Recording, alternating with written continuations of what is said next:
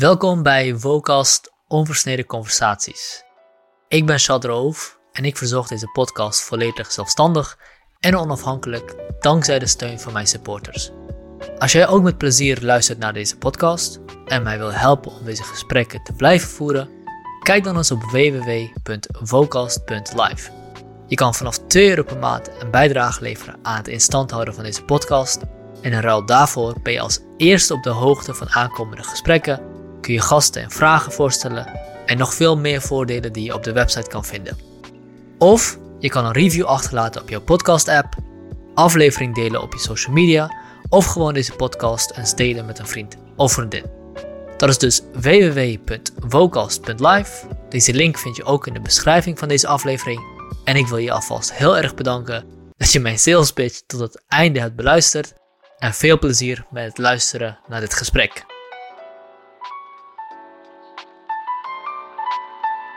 Welkom bij Vocals, Martin. Uh, dankjewel, uh, Chad. Dankjewel voor de uitnodiging. Ja, we hebben natuurlijk uh, vorig jaar of twee jaar geleden nog even mailcontact gehad over een mogelijke podcast. Maar dat is er niet van gekomen. maar voordat we daar verder gaan, vertel even kort wie je bent en wat je doet. Ik ben filosoof, wetenschapsfilosoof aan de Universiteit van Gent. Ik doe daar onderzoek naar complottheorieën, uh, pseudowetenschap en allerlei vormen van uh, irrationaliteit. Um, en daarnaast ben ik uh, ook bezig met ja, publieksfilosofie, als je het zo kan noemen. Dus naast mijn stoffige artikels in Engelstalige tijdschriften achter een paywall schrijf ik ook voor een breder publiek. Dat is dan vooral in het Nederlands. mijn laatste boek ging over klimaatopwarming bijvoorbeeld, en daarvoor heb ik over de, de pandemie geschreven. Dus ik heb zo'n beetje een tweesporenbeleid, een stukje academisch en een stukje voor een breder publiek. Um, en ik hm. heb ook een leerstoel aan de Universiteit van Gent. Uh, dat is een tijdelijke positie, um, leerstoel over kritisch denken, die vernoemd is naar Etienne Vermeers. Die is waarschijnlijk in Nederland ietsje minder bekend, maar dat is een uh, Vlaamse filosoof, scepticus, atheïst, uh, die, na, die in 2019 overleden is. En daar hebben ze een leerstoel voor hem opgericht. Dus daar, daar zit ik nu ook op, bij wijze van spreken, aan de universiteit. Ja, het klinkt een beetje alsof je onderwerpen heel veel gaan over hoe je zou moeten denken. Uh, irrationaliteit, sceptisch denken, uh, complottheorieën. Complottheorieën zijn natuurlijk, zijn natuurlijk al, vaak... Alhoewel de, de, hoe je moet denken klinkt dan weer een beetje Orwelliaans in mijn oor, maar uh, ik, ik snap wat je bedoelt. dus ik, ja, misschien... ik, precies, wat, mensen mogen denken wat ze willen natuurlijk, maar inderdaad, ik hou me zeer sterk bezig met de vraag wat rationele en minder rationele vormen zijn van denken en ik probeer te begrijpen hoe mensen tot bizarre overtuigingen komen. Dat is een beetje de, rode draad in mijn, mijn onderzoek, denk ik. Daar complottheorieën, ja. pseudowetenschap, religieus fundamentalisme. Telkens draait het om die vraag, hoe, ja, hoe komt het dat mensen dingen kunnen geloven die in de ogen van andere mensen knettergek zijn? Um, ik denk dat het belangrijk is om inderdaad het verschil te maken tussen wat je moet denken en hoe je moet denken. Ja, precies. Het, ja, en, het, uh, het gaat er vooral om dat, dat je overtuigingen hebt die niet enkel waar zijn, maar die ook goed gerecht, die gerechtvaardigd zijn. Ik, ik denk nu bijvoorbeeld uh, aan vaccinatie. Er zijn veel mensen die zich misschien laten vaccineren, maar om de verkeerde redenen. Um, mm. Omdat ze gewoon blindelings vertrouwen uh, op het RIVM bijvoorbeeld, bij jullie dan. Uh, of hier Cienzano, onze, onze gezondheidsinstelling hier in Vlaanderen. Um, dus filosofie eigenlijk van oudsher streeft naar kennis. En kennis, de klassieke definitie van kennis is uh, ware en gerechtvaardigde overtuigingen. Dus niet alleen een overtuiging die waar is, maar ook een die, ja, die gerechtvaardigd is, die eigenlijk, zoals je zegt, op de juiste manier hebt bedacht. Um, door de juiste denkprocessen, door de juiste vormen van ja, logica en inferenties enzovoort. Ja. Dat is interessant, hè? Die twee, die twee verschillen, gerechtvaardigd en waar. Want een gerechtvaardige opvatting betekent niet per se dat het waar is. En dat het waar is, betekent niet per se dat die opvatting gerechtvaardigd is. Want uh, in, het in, het tweede geval, zelfs een stilstaande klok slaat twee keer op een dag goed. Ja, eh, juist. Uh, en uh, dus dat het waar is, wil niet zeggen dat het gerechtvaardigd is, maar dat het gerechtvaardigd is, wil niet zeggen dat het waar is. en ja, daar, wat daar betreft kunnen natuurlijk onze basislogische uh, logica gebruiken, waarin je met bepaalde premissen, die niet waar hoeven te zijn, een conclusie kan trekken die gerechtvaardigd is. Ik denk dat het beste voorbeeld daarvan is, uh, als je terugkijkt naar de middelbare school, ik weet niet hoe het bij jullie was, dat was in ieder geval bij ons. het geval als je bij wiskunde een, een fout maakte ergens in de berekening, maar de verdere berekening goed was, had je maar één, één punt aftrek, want Ja, een ja, doorrekenfout. Juist, ja, dat, dat is een goed voorbeeld. Dat herinner ik mij nu ook nog. Eh, nu, nu, nu dat je dat eh, terug in herinnering brengt, ik had er al jaren niet meer aan gedacht, maar inderdaad, daar, ehm, ja, daar wordt een onderscheid gemaakt tussen verschillende soorten fouten. Dus eh, in de filosofie heeft men soms over de typos en thinkos. Dus typos zijn, ja, je hebt gewoon een, eh, Mm, eh, een verkeerde toets ingedrukt en daardoor is er een schrijffout of zo. Maar je hebt ook een thinko, dus waarbij je iets verkeerd hebt gedacht.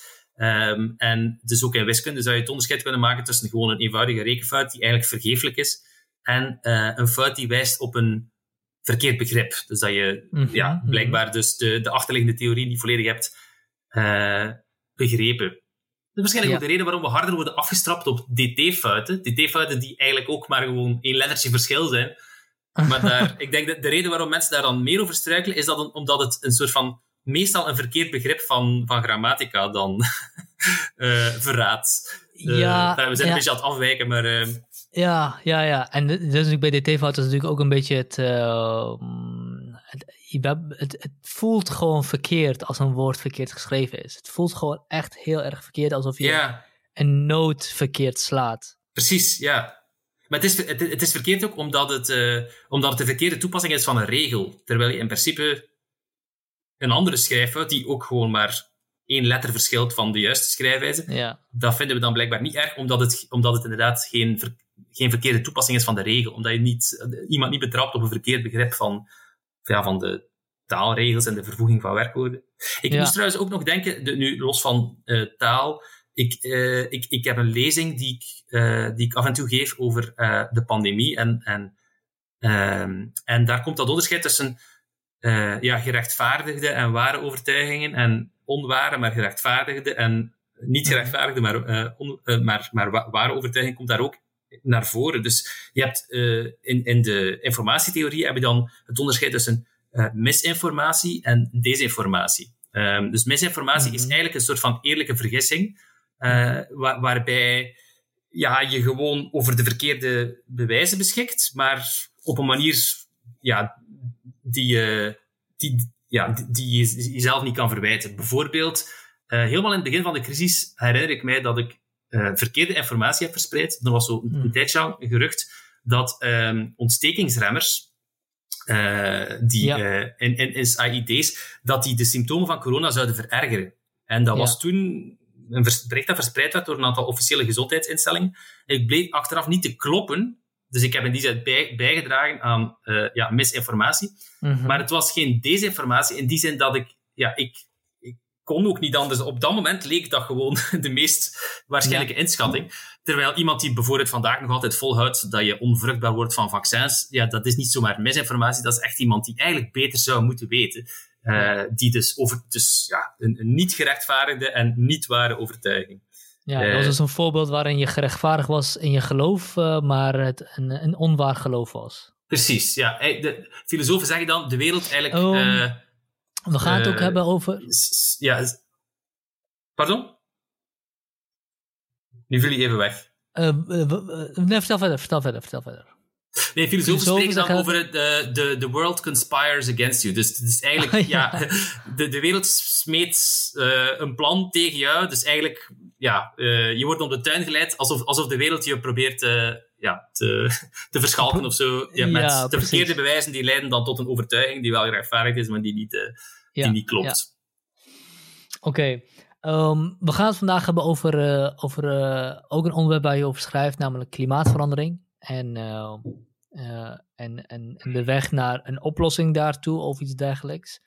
En ik heb zelf ook een specifieke vraag daarover. En ik denk dat interessant is om eerst jouw punt te laten maken voordat we kijken of we op mijn vraag terecht kunnen komen. Maar mijn vraag is Mhm. een beetje op de volgende manier gesteld.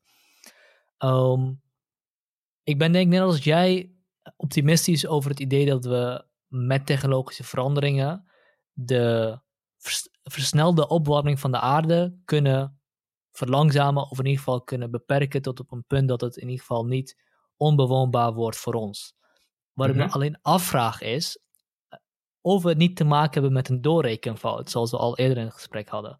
Is niet de eerste fout die we, die we ooit gemaakt hebben, namelijk een agrarische samenleving opstarten en op die manier minder los, uh, meer los te staan van, een, van de natuur.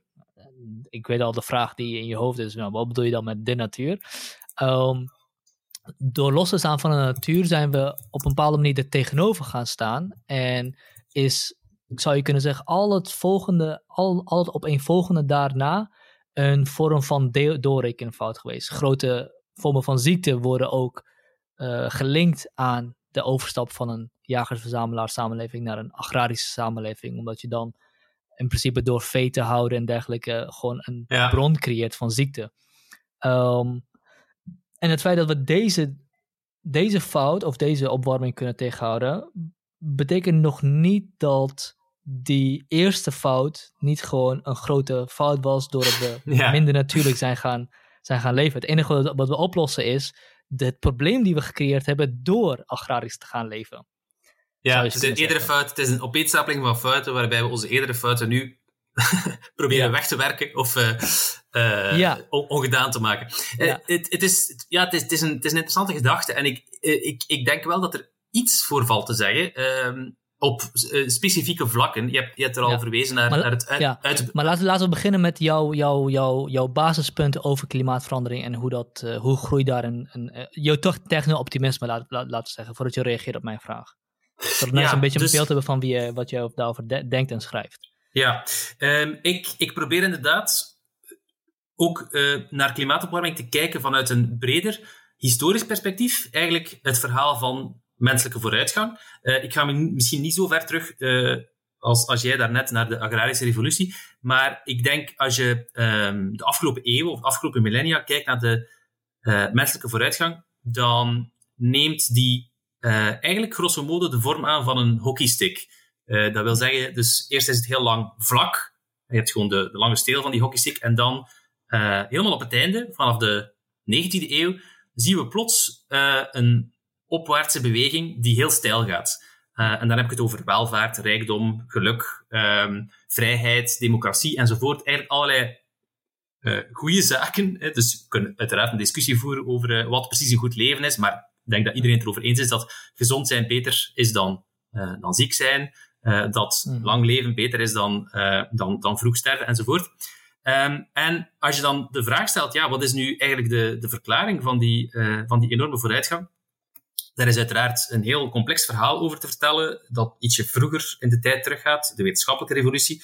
Maar eigenlijk, um, vooral als het gaat om materiële welvaart, um, dan is de industriële revolutie, en dan met name steenkool, dan later olie en gas en andere fossiele brandstoffen, uh, die is daar ontzettend belangrijk geweest. Dus ik denk dat het, dat het verstandig is om, voordat we proberen af te raken van die fossiele brandstoffen, en la, laat, laat me daar duidelijk over zijn, dan moeten we wel degelijk doen, uh, maar dat we eerst de zegeningen van fossiele brandstoffen tellen. Dat we eigenlijk het klimaatprobleem in zijn juiste context zien.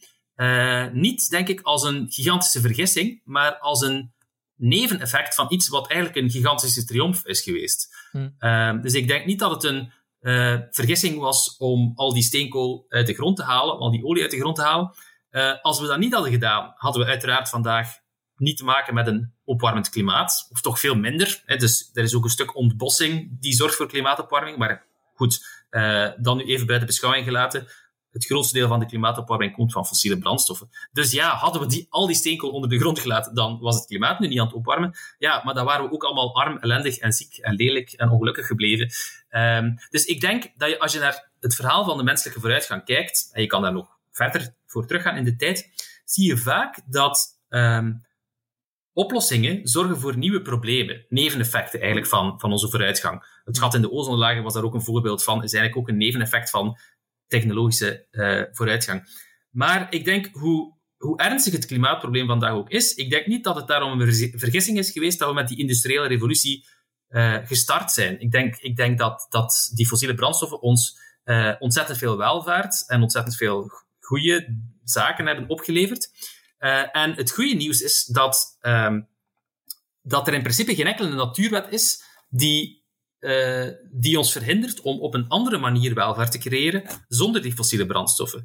Dus alhoewel, het, ik zie niet echt een, een, een plausibel scenario, dus een alternatieve geschiedschrijving, waarbij we al die vooruitgang kennen zonder fossiele brandstoffen. Maar ik geloof wel dat als we naar de toekomst kijken, dat we van die fossiele brandstoffen af kunnen raken en dat in het beste geval, vanuit historisch perspectief, zullen die fossiele brandstoffen eerder een soort van trapladder geweest zijn in, in onze evolutie. Een soort van hmm. noodzakelijke tussenstap die je nodig had om tot een punt te komen waar dat je dan superieure energiebronnen hebt, bijvoorbeeld kernenergie of hernieuwbare energie.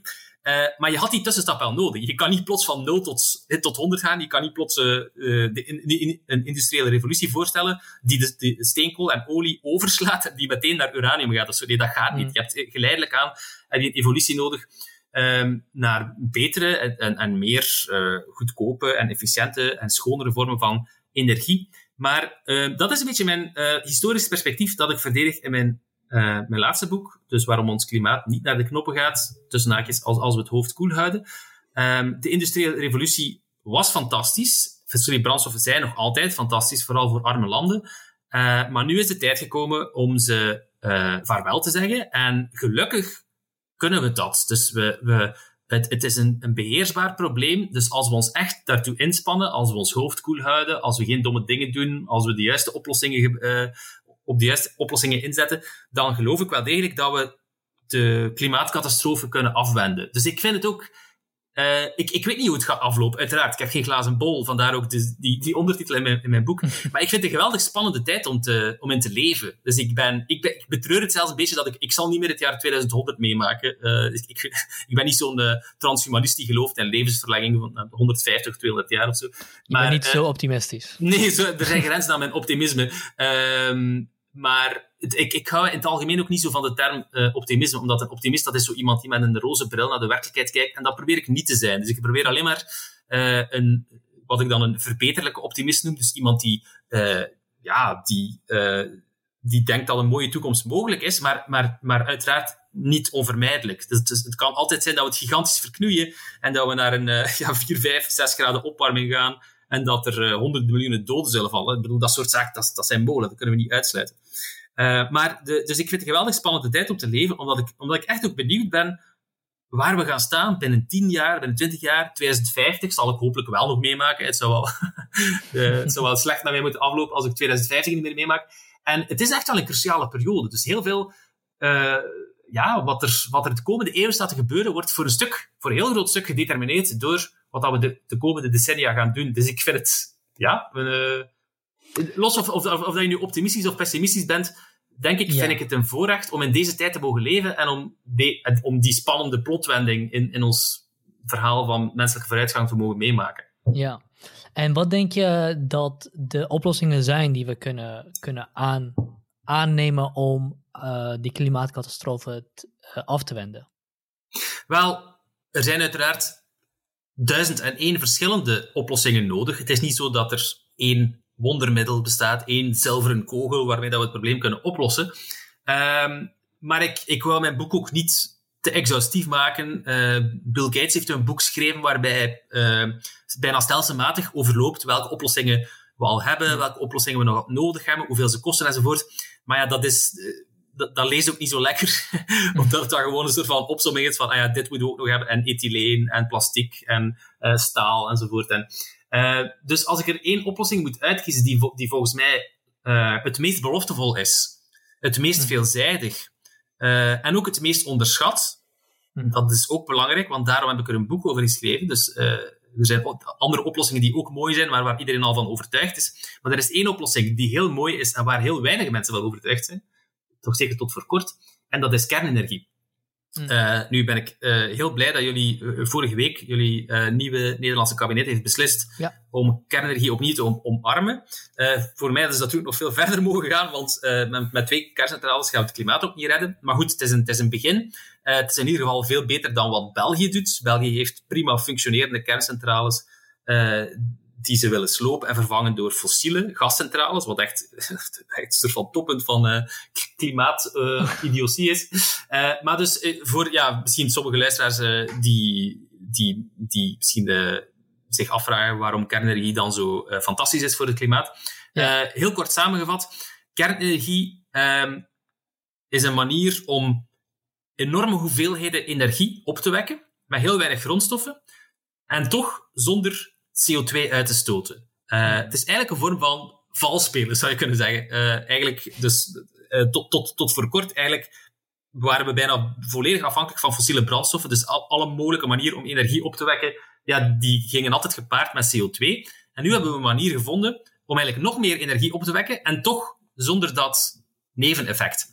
En het grote voordeel van kernenergie ten opzichte van hernieuwbare energie, hernieuwbare energie is ook prima, daar ben ik ook voorstander van, uh, maar hernieuwbare energie kampt met een aantal beperkingen die kernenergie niet heeft. Uh, en die beperkingen zijn tweeërlei, die bespreek ik ook uitgebreid in mijn boek. Uh, aan de ene kant uh, dat ze afhankelijk zijn van het weer. dat klinkt een beetje triviaal, mhm. maar de, de, de, de repercussies daarvan zijn echt enorm groot. kernenergie is altijd beschikbaar bij weer en wind. Mhm. Terwijl voor hernieuwbare energie heb je altijd een backup capaciteit nodig of batterijopslag die er nog niet is enzovoort. Mhm. Dus er zijn enorme systeemkosten daarmee gepaard. En het tweede grote probleem is het uh, beslag dat je legt op de natuur, op de ruimte. Uh, mm. Om dus dezelfde hoeveelheid energie op te wekken als één kerncentrale, neem de kerncentrale in Borselen bijvoorbeeld, uh, ja, heb je een windpark nodig van honderden of duizenden vierkante kilometers, waar ook een veelvoud van metaal en beton en glas en zeldzame mineralen en grondstoffen in kruipt. dus hernieuwbare energie is mooi en stoot ook geen CO2 uit. Maar ik denk dat het schromelijk tekortschiet voor de, de uitdaging waarvoor we staan. Ik, ik, het is een beetje ironisch, in die zin dat veel klimaatactivisten die geloven in 100% hernieuwbare energie, die onderschatten eigenlijk een beetje de omvang van het probleem. Omdat ze mhm. denken, ja, met een paar windmolens uh, in, de, in de polders en op zee en een paar zonnepanelen op ons dak, daar raken we er wel. Uh, maar maar, ik, maar ik, ik, ik geloof dat ze, dat ze, dus, uh, dat ze zich daarin uh, echt vergissen. Als je dan het rekensommetje gaat maken en je, en je probeert uh, dus te becijferen hoeveel energie we nodig hebben. En dan vooral ook in de toekomst. want we gaan binnenkort allemaal elektrisch rijden en allemaal warmtepompen hebben, hebben in ons huis. En we gaan groene waterstof nodig hebben om staal te smelten en in onze industrie. Dan heb je zo gigantisch veel energie nodig dat je, bij, ja, je het hele land moet volzetten met zonnepanelen en windmolens en dan raak je er nog niet. Um, en daarom heb ik dus een vurig pleidooi voor kernenergie gegeven. Precies omdat ik vind dat het uh, ja, een, een onderschatte oplossing is voor het probleem. En um, er zijn natuurlijk veel tegenargumenten tegen kernenergie. En ik, ik, geloof best dat het haalbaar is. Ik geloof best dat het uh, ook uh, veilig genoeg zal zijn. Uh, maar wat ik me afvraag is, wat doe je met het kernafval? Ja, het kernafval is iets waar ik zelf vroeger... Ja, ehm, het is op dit moment denk ik inderdaad het als je een rangschikking zou maken van de, de, argumenten waarmee de tegenstanders het vaakst afkomen, dan denk ik uh, ja, kernwapens zal, zal misschien in de top 5 staan. Uh, de kostprijs van kernenergie zal ook ergens uh, in de top 5 staan. Maar misschien het, het meest populaire of het, het meest gewichtige argument nog in de ogen van veel mensen is inderdaad het kernafval. En ja. Ehm, ik vind het altijd interessant ehm, om te vertellen dat ik zelf destijds, hm, laten we zeggen tot 15 jaar geleden, bang was van kernafval en heel erg overtuigd was dat kernenergie de verkeerde oplossing was, dat dat eigenlijk onverantwoord was, omdat we daarmee toekomstige generaties opzadelen met een, met een probleem dat we gewoon niet kunnen oplossen. Namelijk dat, dat afval, dat dus duizenden tot honderdduizenden jaren uh, gevaarlijk blijft. Ik ben zelf opgegroeid met dus de tijdschriftjes van Greenpeace en van uh, eh, WWF. Um, ehm, mijn ouders en mijn familie die, ja, die komen echt uit een diepgroene, uh, diepgroene hoek, hebben altijd op groene partijen gestemd. En ik heb dus ook, uh, wat kernafval betreft, heb ik door daarover te lezen, door daar gewoon mij over te informeren, ben ik op een bepaald moment tot de vaststelling gekomen, wauw, dit, dit, is eigenlijk echt helemaal geen probleem. En ik weet dat dit uh, ongeloofwaardig klinkt voor wie, voor wie de, dus net zoals ik vroeger dacht dat dat kernafval gewoon een, een onoverkomelijk uh, probleem is wanneer dat we die toekomstige generaties opzadelen. Maar waarom is het geen probleem? Waarom is het geen probleem? Wel, omdat um, als je uitgaat van het worst case scenario, dus uh, men gaat er nu vanuit dat we dat kernafval gewoon onder de grond stoppen, uh, in stabiele aardlagen. Uh, dat is de zogenaamde geologische berging. in Finland bijvoorbeeld is een, is men daar al zeer ver mee gevorderd. Dus die, die bergingsplaatsen die zijn eigenlijk zo goed als klaar. Die zijn gebouwd en die zijn dus klaar voor gebruik. Um, en dan is de vraag natuurlijk, wat gebeurt er als, je, um, als die vaten, uh, die verglaasde containers waar dat carnaval in zit, als die zouden beginnen lekken? Uh, dus we gaan ervan uit dat die niet gaan lekken, want we bouwen die uiteraard uh, bijzonder stevig. Maar stel nu dat er toch iets fout loopt, en, of dat er een aardbeving is of zo, en al die vaten die, die beginnen tegelijk te, te lekken. Dan blijkt dat de hoeveelheid straling die vrijkomt, zelfs voor iemand die vlak boven die site woont, en die bij wijze van spreken elk, elke dag groentjes uit zijn eigen moestuin eet, en die heel, de, hele zijn hele leven op die plek woont, dat die stralingsdosis uh, ongeveer de stralingsdosis is die je krijgt als je een paar bananen eet. Bananen zijn namelijk radioactief, die bevatten radioactief kalium. Dus uh, in, de, in, in, in de geesten van mensen is kernafval zo'n onoverkomelijk probleem, omdat ze altijd denken in termen van die jaartallen. Ja, maar het is duizend jaar, of tienduizend jaar, of honderdduizend jaar. En dat klinkt natuurlijk bijzonder angstaanjagend, maar. De natuur zit vol met radioactiviteit, uh, met som radioactieve isotopen, zoals uranium, die soms nog een veel langere halfwaardetijd hebben. Dat wil zeggen dat ze nog veel langer radioactief ja. zijn. Dat ze, dat ze dus uh, radioactieve straling uitzenden. Dus waar je altijd moet gaan naar kijken, denk ik, is naar uh, de gezondheidseffecten. Je moet echt gaan kijken, ja, maar wat is nu echt de reële impact op de gezondheid? En als je dan de gezondheidsimpact van die geologische berging vergelijkt met de gezondheidsimpact -hmm. van de straling die gewoon overal zit, die gewoon uit de grond komt, radioactief radon bijvoorbeeld, in de Belgische Ardennen, uh, komt uh, uit de grond en heeft, eh, zorgt voor behoorlijk wat straling. Uh, elke keer wanneer je in een vliegtuig stapt, krijg je ook straling, gewoon door het feit dat je zo hoog zit, zo dicht bij de stratosfeer, dat je minder beschermd van kosmische straling. Mm-hmm. En om die straling maken we ons blijkbaar helemaal geen zorgen. Um, en de gezondheidseffecten daarvan zijn ook zeer minimaal. En als je dan beseft dat die, de straling die je krijgt van dat radioactief afval, dat die gewoon in het niets verzinkt bij die achtergrondstraling, ja, dan, dan denk ik dat die toekomstige generaties echt een schouders zullen ophalen bij dat kernafval. Ze zeggen ja. af. Uh, de, de, bedoel, je, je, het, het, het probleem van klimaatopwarming dus... is natuurlijk veel uh, ernstiger. Ik bedoel, dat is echt iets ja. waar we mee de toekomstige generaties opzadelen, maar dat kernafval is gewoon. Dat is inderdaad natuurlijk ook een vraagstuk, hè? want je, je kan inderdaad zeggen, je, je, je bouwt wel afval, kernafval op en stel je voor het zou gevaarlijker zijn dan dit, dan moet je het alsnog afwegen tegen de, de, tegen de, de kost van geen kernenergie, dus, dus klimaatverandering door laten gaan. En dan kan het nog steeds zijn dat de afweging valt voor kernafval.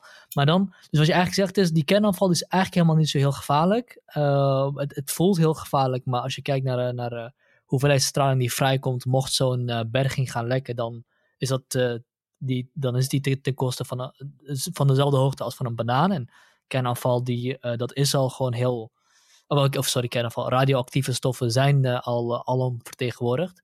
Maar ja. als we kijken naar dan, als, we dan, als we dan wel kijken naar die tijdsbestek van 100.000 jaar. Um, het, het gaat zich natuurlijk wel opstapelen. En uh, hoe zit het over. En, dan, hoe zit het over 1000 jaar? Hoe zit het over 20.000 jaar? Hoe zit het over 30.000 jaar? Als we nog veel meer bergingen nodig hebben voor dat kernafval. Als we veel meer kerncentrales hebben voor de benodigde hoeveelheid energie die we dan hebben. Want een van de problemen is, en dat is ook wel dat sla, slaat ook wel een beetje aan bij jouw uh, kritiek van de, van de, voor de pleidooihouders van hernieuwbare energie. Het is namelijk niet zo dat als wij nu onze energievoorraad uh, uh, uit hernieuwbare energie halen, dat dan klaar is. Nee, wat er gaat gebeuren is dat we meer energie nodig gaan hebben.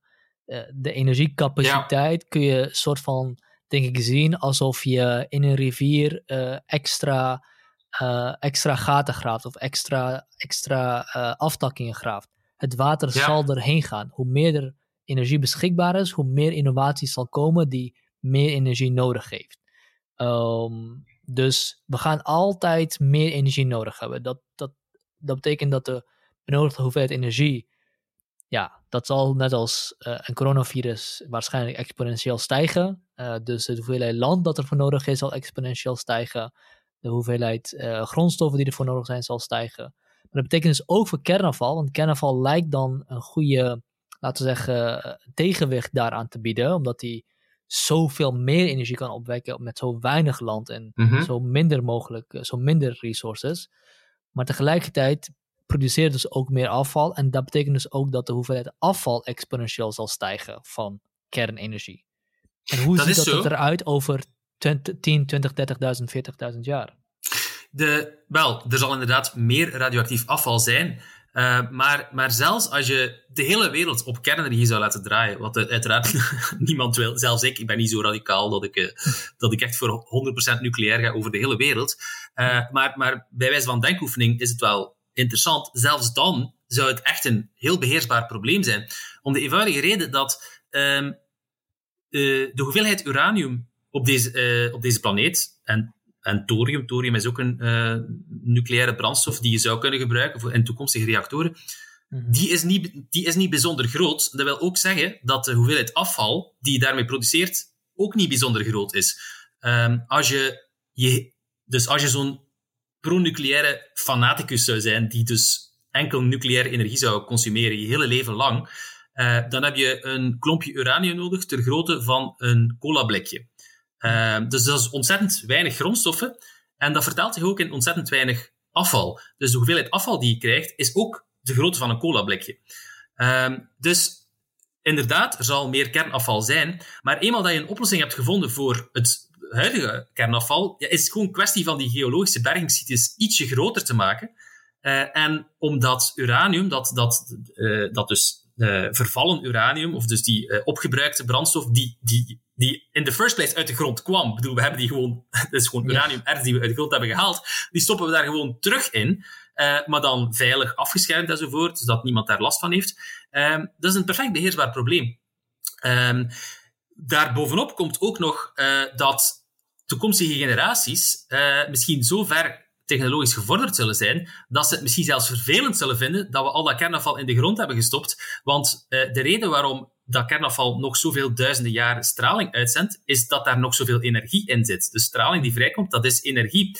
Eh, als je een manier zou kunnen vinden om die energie daar sneller uit te halen, eh, dus om die, eh, om die isotopen opnieuw te gaan bestoken met neutronen, en daar zijn, daar zijn technologische ontwikkelingen die, daar, Mhm. die daarmee bezig zijn, dan zou je dat kernafval eigenlijk opnieuw kunnen gaan verwerken en op die manier dus zowel de hoeveelheid afval nog gaan verkleinen, eh, omdat je er gewoon nog meer energie uithaalt, en er nog een veelvoud van energie mee gaat opwekken die je nuttig kan gaan eh, besteden. Dus op dit moment, zelfs de, de metafoor die ik net gaf van, eh enfin, metafoor, dus de, eh, het, het, het beeld van het cola-blikje, eh, uranium, eh, dat is de huidige nucleaire technologie. Maar die huidige nucleaire technologie die is eigenlijk nog bijzonder inefficiënt. Dus dat wil zeggen dat de hoeveelheid beschikbare energie in uranium, eh, die is honderd keer groter dan de energie die we er op dit moment uithalen. Dus op onze kerncentrales, ik bedoel, op, die zijn fantastisch in die zin dat ze gewoon ja, een heel, heel aantal voordelen hebben.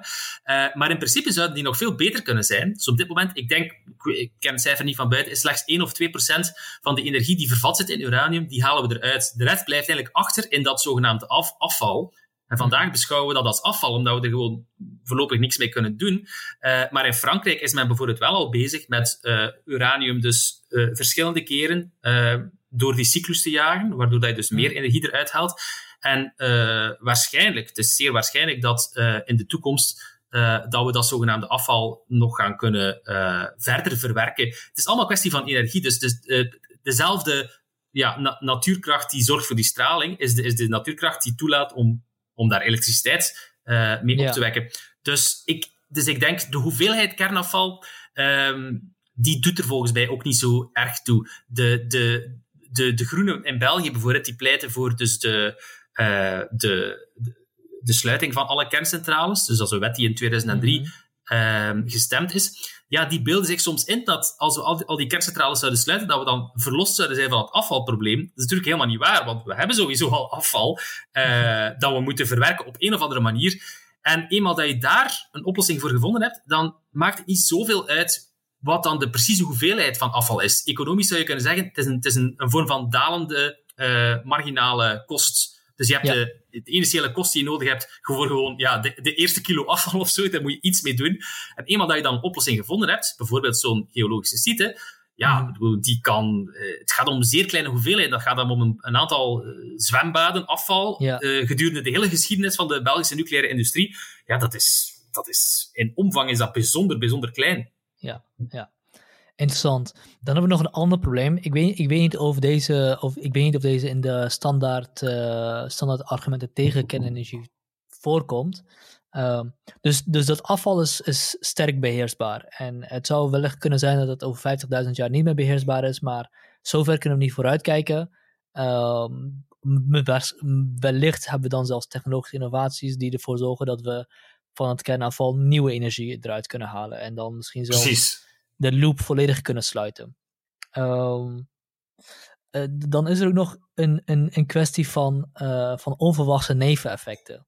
Want ook bij de, klima of bij de industriële revolutie is het uitstoten van uh, het, het opbranden van fossiele brandstoffen en het uitstoten daarvan van CO2 de, de atmosfeer in, is op zich niet zo'n probleem zolang dat maar alleen in Londen plaatsvindt.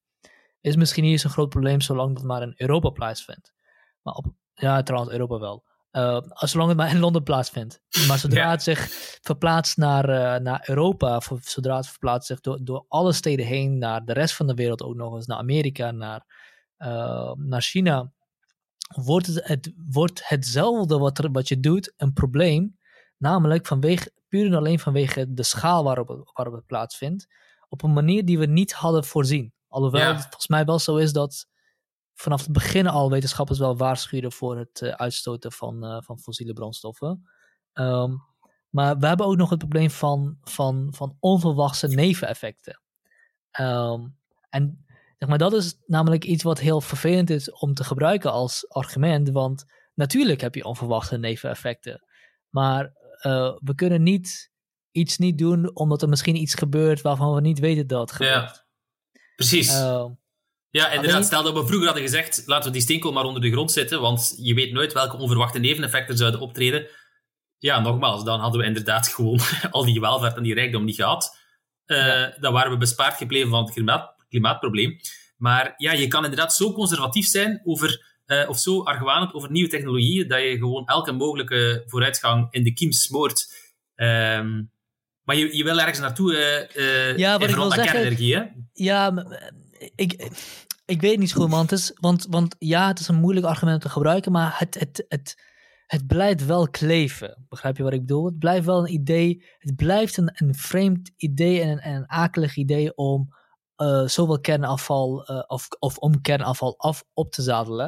En mijn vraag, wat ik denk me nu afvraag is, is dat puur en alleen een gevoel dat opgewekt is vanwege berichtgeving daarover?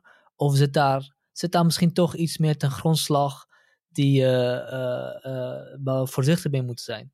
Maar aan de andere kant hebben we gewoon een, klimaat, een probleem met klimaatverandering en moeten we op de een of andere manier meer schone energie gaan opwekken? Ja, oh. ja het, is, het is een goede vraag. Het, het, ik, ik denk, um, ik, ik schrijf op een bepaald moment in mijn boek dat um, de keuze voor kernenergie eigenlijk een no-brainer zou moeten zijn. En, dat wil, en ik, ik probeer daar echt uh, toch, ik probeer daar ook niet, niet, uh, niet te fanatiek in, in, te zijn. Dus ik, ik probeer wel te erkennen dat er een aantal nadelen aan kernenergie verbonden zijn. Maar uh, maar die nadelen die zijn volgens mij zo, uh, ja, zo klein of, uh, of, of bescheiden van aard, bijvoorbeeld dat kernafval, dat het inderdaad in het niets verzinkt tegenover de klimaatopwarming. En ik zou zelfs zeggen, stel dat het kernafvalprobleem tien keer of honderd keer groter was dan het vandaag was, dat het misschien nog tien of honderd keer gevaarlijker was en dat we nog altijd geen oplossing hadden, dan denk ik nog altijd, dat zou het een lastiger afweging zijn. Maar dan zou ik nog altijd vinden dat kernenergie een enorm beloftevolle technologie is en dat het nog altijd minder gevaarlijk is uh, dan, dan, dan klimaatopwarming. Maar voor een stuk moet je wel rekening houden met gewoon uh, het voortschrijdend inzicht van de afgelopen decennia. En dat is iets wat heel moeilijk is om te doen, uh, niet alleen wat kernenergie betreft, maar ook wat klimaatopwarming betreft. Je zei daarnet, uh, ook van in het begin van uh, dus gebruik van fossiele brandstoffen, waren er wetenschappers die waarschuwden voor het effect van CO2 op onze atmosfeer. Voor een stuk klopt dat natuurlijk. Je kan inderdaad in de geschiedenis teruggaan. Kijk, uh, uh, Svante Arrhenius was zo een van die grondleggers eigenlijk van het, de theorie van het broeikaseffect. En men had vrij snel door, ja, ten eerste dat CO2 vrijkomt bij de verbranding van niet alleen fossiele brandstoffen, maar ook hout en eigenlijk alle, mhm. alle vormen van organisch materiaal. maar dat wil niet zeggen dat men toen al begreep dat het zo'n groot en onoverkomelijk probleem zou zijn, dat het zo'n grote impact zou hebben uh, in de toekomst. Men heeft natuurlijk geleidelijk aan steeds meer bijgeleerd. En voor kernenergie geldt hetzelfde. Dus ik kan voor een stuk wel meer de angst begrijpen van mensen die bijvoorbeeld in de jaren uh, 50, in de jaren 60 leefden, uh, toen er eigenlijk nog relatief weinig bekend was over uh, kernenergie en ook over het effect van de radioactiviteit. Um, toen we eigenlijk nog veel minder wisten ook over de gezondheidseffecten van radioactieve straling. Toen, toen waren er misschien nog wel overtuigende argumenten. Eh, we hadden het daarnet ook over uh, onware, maar, maar gerechtvaardigde overtuigingen. Er waren toen misschien wel aanwijzingen dat ja, die radioactieve straling, dat is, uiteindelijk is dat toch iets... Uh, het is niet volledig nieuw omdat het in de natuur bestaat, maar uh, plutonium bijvoorbeeld is wel een, een element dat eigenlijk in de vrije natuur niet voorkomt en dat wij als mensen hebben gemaakt door dat gewoon artificieel in reactoren op te wekken. Dus in die zin snap ik wel dat er destijds wel angst bestond en dat die angst voor een stuk wel rationeel was. Maar uh, de afgelopen decennia hebben we ook gewoon proefondervindelijk door een aantal rampen, uh, hebben we gezien wat, wat er eigenlijk gebeurt in het worst case scenario. Dus in Tsjernobyl natuurlijk en dan iets later in, in Fukushima. Um, dat willen we natuurlijk niet uh, opnieuw herhalen, uiteraard. Ja. Dus dat, dat, dat, dat, is wel degelijk een ramp. Uh, maar als je dan kijkt naar de gezondheidsimpact daarvan, uh, zouden erover kunnen uitweiden, dan viel die veel beter mee eigenlijk dan initieel verwacht werd. Hmm. Dus ik denk, um, ik kan veel meer begrip opbrengen, denk ik, voor mensen in de jaren 60, 70 die uh, sceptisch waren tegenover kernenergie. Ten eerste omdat men gewoon niet bewust was van het klimaatprobleem. Bijna niemand in de jaren 60, 70 lag wakker van het klimaatprobleem. Dus het was gewoon een andere afweging. Tot nu mm -hmm. vind ik de, het belangrijkste argument voor kernenergie vind ik het klimaat. Maar dat argument bestond toen gewoon nog niet. Dus de afweging was compleet anders. En ja. de afweging was ook aan de andere kant van de weegschaal anders. Er was minder kennis over kernenergie. En voor een stuk denk ik dat het uh, misschien toen rationeler was om het voorzorgsbeginsel toe te passen. Van ja, maar let op, dit is iets compleet nieuws. Die, die, die kernkracht, eigenlijk kennen we die nog niet zo goed. Stel je voor inderdaad dat dat onvoorziene effecten heeft en dat we ons dat binnen 100 of binnen 1000 jaar beklagen dat we met al dat kernafval zitten. Um, maar ondertussen zijn we natuurlijk wel al veel verder gevorderd en denk ik dat, dat, onze, dat, dat de argumenten om bang te zijn voor kernenergie um, veel minder groot zijn dan destijds. Bijvoorbeeld in Fukushima. Uh, mensen denken soms dat dat een, een, dat dat een dodelijke ramp was, dat er gigantisch veel slachtoffers gevallen zijn. Uh, maar het, het, tegendeel is waar. Dus de, bij de uh, tsunami en de aardbeving zelf zijn 15.000 doden, als ik me niet vergis, gevallen. Ja, ja. maar bij Fukushima zelf helemaal niemand. Dus in het slechtste geval is er één persoon die een aantal jaar geleden een longkanker heeft gekregen als ik me niet vergis. En daarvan vermoedt men dat het eventueel een effect kan zijn, uh, omdat het iemand was die mm. echt op de site zelf uh, met de, uh, ja, aan, aan de ramp- of crisisbeheer deed. En die persoon zou misschien inderdaad een grote dosis straling kunnen gekregen hebben. Ja. Um, maar als je, dan, als je dan ziet, ja, dus zelfs met zo'n gigantisch natuurgeweld. Het is een van de krachtigste bevingen die ooit gemeten is. En dan zie je zelfs dan, eigenlijk valt het nog enorm mee. Um, dan, dan, dan denk ik wel dat ook Fukushima, George Monbiot heeft, dat, uh, heeft, heeft daar een mm -hmm. stuk over geschreven voor The Guardian. Iemand die vroeger heel sceptisch was over kernenergie en die eigenlijk, het klinkt gek, maar door Fukushima pro-nucleair is geworden. En mm -hmm. zijn redenering is van, uh, zelfs deze ramp, die zo'n gigantische ramp, waarbij gewoon alle noodreactoren tegelijkertijd overspoeld worden en er is een kernsmelting enzovoort, en dan nog ja. zie je dat de gezondheidsimpact bijna nul is. Ja, dat is inderdaad bijna een argument om kernenergie te gaan omarmen eerder dan te gaan uh, uitsluiten. Ja. Maar terug naar je vraag, dus ik, ik weet niet of ik nu ongeveer geantwoord heb op de vraag, maar uh, ik, de, ik denk dat de, de, de bedenking die je nu maakt, die denk ik was veel sterker ja. 40, 50 jaar geleden dan ze de, dan ze vandaag is. Omdat ja. we nu veel beter begrijpen wat dat afval precies, uh, welk risico dat, dat inhoudt, hoe we dat kunnen verwerken enzovoort. Ja, ik denk, uh, ik denk dat je een goede, uh, ik denk dat je een heel goede case maakt voor, voor, voor, uh, voor kernenergie. En laat ik even duidelijk zeggen, ik ben, ik ben niet voor of tegen kernenergie, ik weet er gewoon te weinig vanaf. Um, ik denk, en laat ik hem, ik denk dat ik nog een, nog een, nog een laatste bedenking heb. En die gaat die gaat ook aanslaan bij, bij de eerdere vraag die ik stelde helemaal aan het begin, wat een beetje mijn belangrijkste vraag in het geheel is. Um, de kernenergie is denk ik, en zeker met de betoog die je nu houdt, denk ik een heel goede manier om klimaatverandering of de problemen van klimaatverandering te, te beperken. Of laten we zeggen, de, de, de verdere op, verhoging van, uh, van, de, van, van de temperatuur van de wereld. Um, maar het is, niet een, het is niet een middel om klimaatverandering of de klimaat te redden. Het is een middel om onze manier van leven te redden. Want het grootste probleem van klimaatverandering is niet zozeer, zozeer de aarde of de wereld of de natuur op zichzelf. Het is het mogelijk houden dat wij kunnen voortleven en deze leven kunnen houden die we zoveel mogelijk, die we, nou, laten we zeggen, sinds, sinds 100 jaar geleden aan het ontwikkelen zijn en opbouwen zijn dankzij de industriële revolutie. Ehm, dus het is veel meer een maatschappelijk slash cultuurprobleem misschien dan een uh, klimaatprobleem in die zin van het woord. En daarmee dus, daarmee dus kun je zeggen, nou ja, kernenergie is misschien niet een uh, heel ecologisch of een heel natuurlijke manier van energieopwekking of wat dan ook uh, voor acht mensen kunnen gebruiken. Maar we zijn niet aan het proberen de natuur te redden, we zijn aan het proberen om ons levensstijl te redden.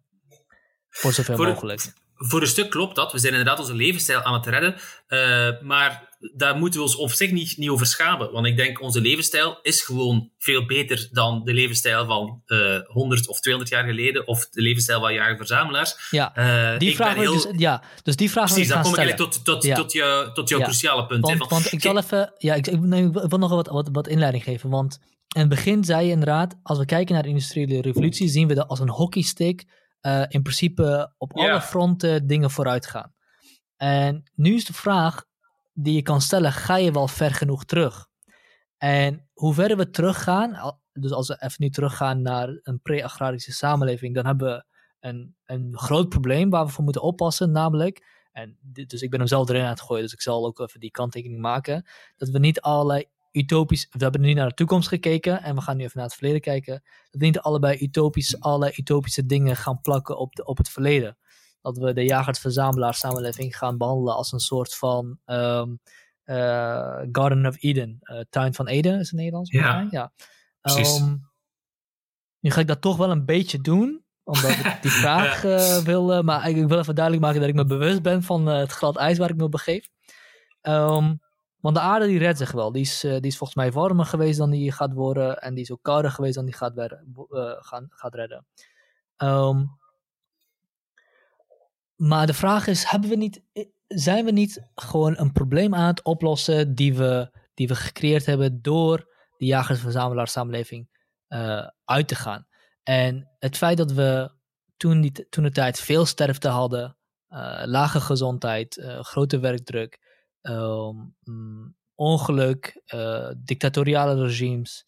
Um, dat hadden toen de tijd volgens, denk ik, allemaal niet. Die bestonden toen de tijd niet. We hebben nu veel meer wetenschappelijke kennis over de wereld. Dat is denk ik inderdaad iets wat we, uh, waar we trots op kunnen zijn. Maar is dat wat een, goed wat een leven goed maakt? Het feit dat je met meer comfort en minder spanning leeft. Is dat wat het leven goed maakt? Of is wat het leven het goed maakt op een op een. Ja, ja dat weet ik niet hoe, hoe ik dat moet zeggen. Ik houd bij die vraag. Um, maar ik laat, het, laat ik het nog concreter maken. Want dan is het misschien wat, wat, wat helderder. Ja. Want nu, nu blijft het een beetje in de, in de lucht hangen.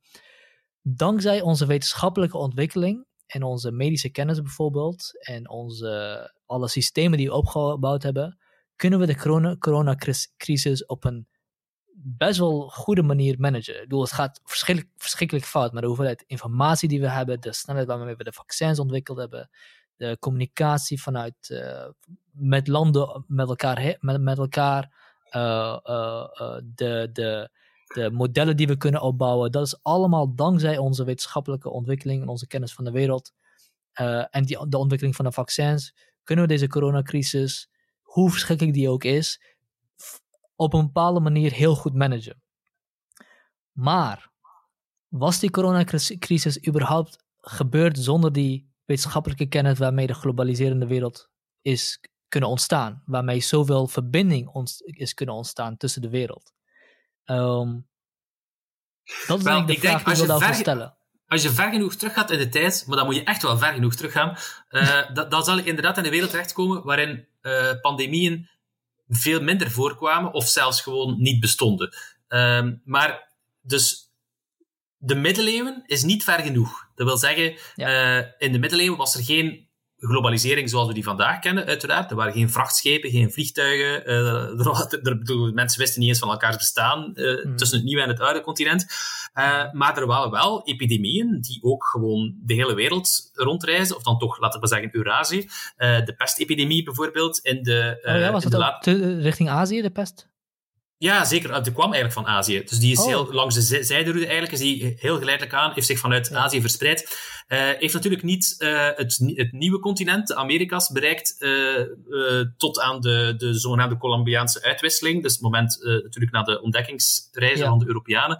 Toen, toen, zijn er wel, toen zijn er nog veel meer slachtoffers gevallen, omdat die vooral dan de, dus de oorspronkelijke bevolking van de uh, van het nieuwe continent uh, een immuunsysteem had dat helemaal niet opgewassen was tussen, tegen die Europese ziekte die uh, ja. de Europeanen eigenlijk al eeuwen hadden meegemaakt. maar, maar dus ook in de middeleeuwen bestonden er pandemieën. Ehm, dus de pestepidemie was natuurlijk nog veel erger dan de corona-epidemie vandaag. Groeide ongeveer een derde van de Europese bevolking uit. Dus dat is ook een pandemie. Als je natuurlijk nog verder zou teruggaan in de tijd en je komt dan bij jager-verzamelaars die eigenlijk uh, ja, nauwelijks uh, uh, handel met elkaar dreven, of toch niet over grote afstanden, dan ik, zou, ik, ik, zou, ik zou niet gaan beweren dat dan pandemieën per definitie onmogelijk worden, maar het is natuurlijk het is veel, veel onwaarschijnlijker als je als, als, met die levenswijze dat je een, uh, een ziektekiem zou hebben die zich over de hele wereld kan gaan verspreiden. Je hebt mhm. uiteraard altijd contact tussen mensen nodig. Um, maar bijvoorbeeld iets als malaria. Malaria is ook een, ja, een ziekte die, denk uh, uh, in, in, de, in de wereldgeschiedenis nog veel meer slachtoffer heeft gemaakt dan zelfs de pest. Um, Maar die wordt verspreid door, door muggen, dus die niet van mens op mens wordt overgedragen, maar die via een, ja, een zeer mobiele um, uh, gastheer of tussen, tussenschakel wordt verspreid. Um, die bestonden uiteraard ook al in jager-verzamelaargemeenschappen. En als je dus kijkt naar de algemene ziektedruk, dus de, ja, gewoon de, het aantal mensen dat overlijdt um, door allerlei ziekten, dan denk ik niet dat je zoveel beter af bent in uh, jager-verzamelaargemeenschappen. De levensverwachting, er zijn inderdaad aanwijzingen dat de levensverwachting bij de agrarische revolutie een beetje achteruit is gegaan, omdat mensen heel dicht op al uh, opeengepakt leefden en dan vooral ook in de nabijheid van uh, dieren en dat dat een ideale broeihaard was voor zoonoses, dus ziektekiemen die overspringen. Dat klopt allemaal wel, maar het verschil is niet van die aard uh, dat het uh, opweegt tegen het verschil dat we vandaag kennen. Dus de, de levensverwachting vandaag in Europese landen is iets van 80 of zelfs 85. denk, recordhouders zijn Japanse vrouwen, daar is, daar is het denk ik zelfs meer dan 90 jaar. Geen enkele jager-verzamelaargemeenschap heeft een levensverwachting van boven de 50 jaar. Ik denk zelfs niet boven de 40 jaar. rond de 30, 35 jaar is ongeveer de levensverwachting van de hele menselijke geschiedenis tot aan, tot aan de industriële revolutie. Dat wil niet zeggen dat mensen toen niet oud werden. Er waren ook in jager-verzamelaargemeenschappen, vind je mensen die 70 of zelfs 80 jaar zijn. Uh, mensen die heel kranig zijn of die gewoon een goede gezondheid hebben. De, de sterfte zit vooral in de jongste jaren. Dus vooral kinderen die doodgaan. En die gaan natuurlijk de gemiddelde levensverwachting sterk naar beneden. Bijvoorbeeld door malaria. Malaria is, heel, uh, ja, is, is, een, is een grote kinderdoder, ook vandaag nog altijd.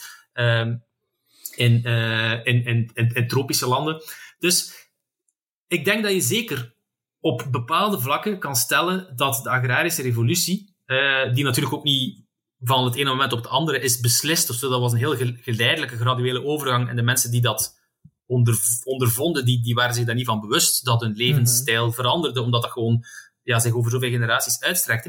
Um, je zou inderdaad kunnen zeggen dat in bepaalde opzichten uh, dat het leven misschien ietsje erger was voor iemand die aan het, aan het prille begin van de agrarische revolutie leefde. Um, ook in termen van bijvoorbeeld onderdrukking uh, en, uh, en ongelijkheid, denk ik, waren jager-verzamelaargemeenschappen iets egalitairder.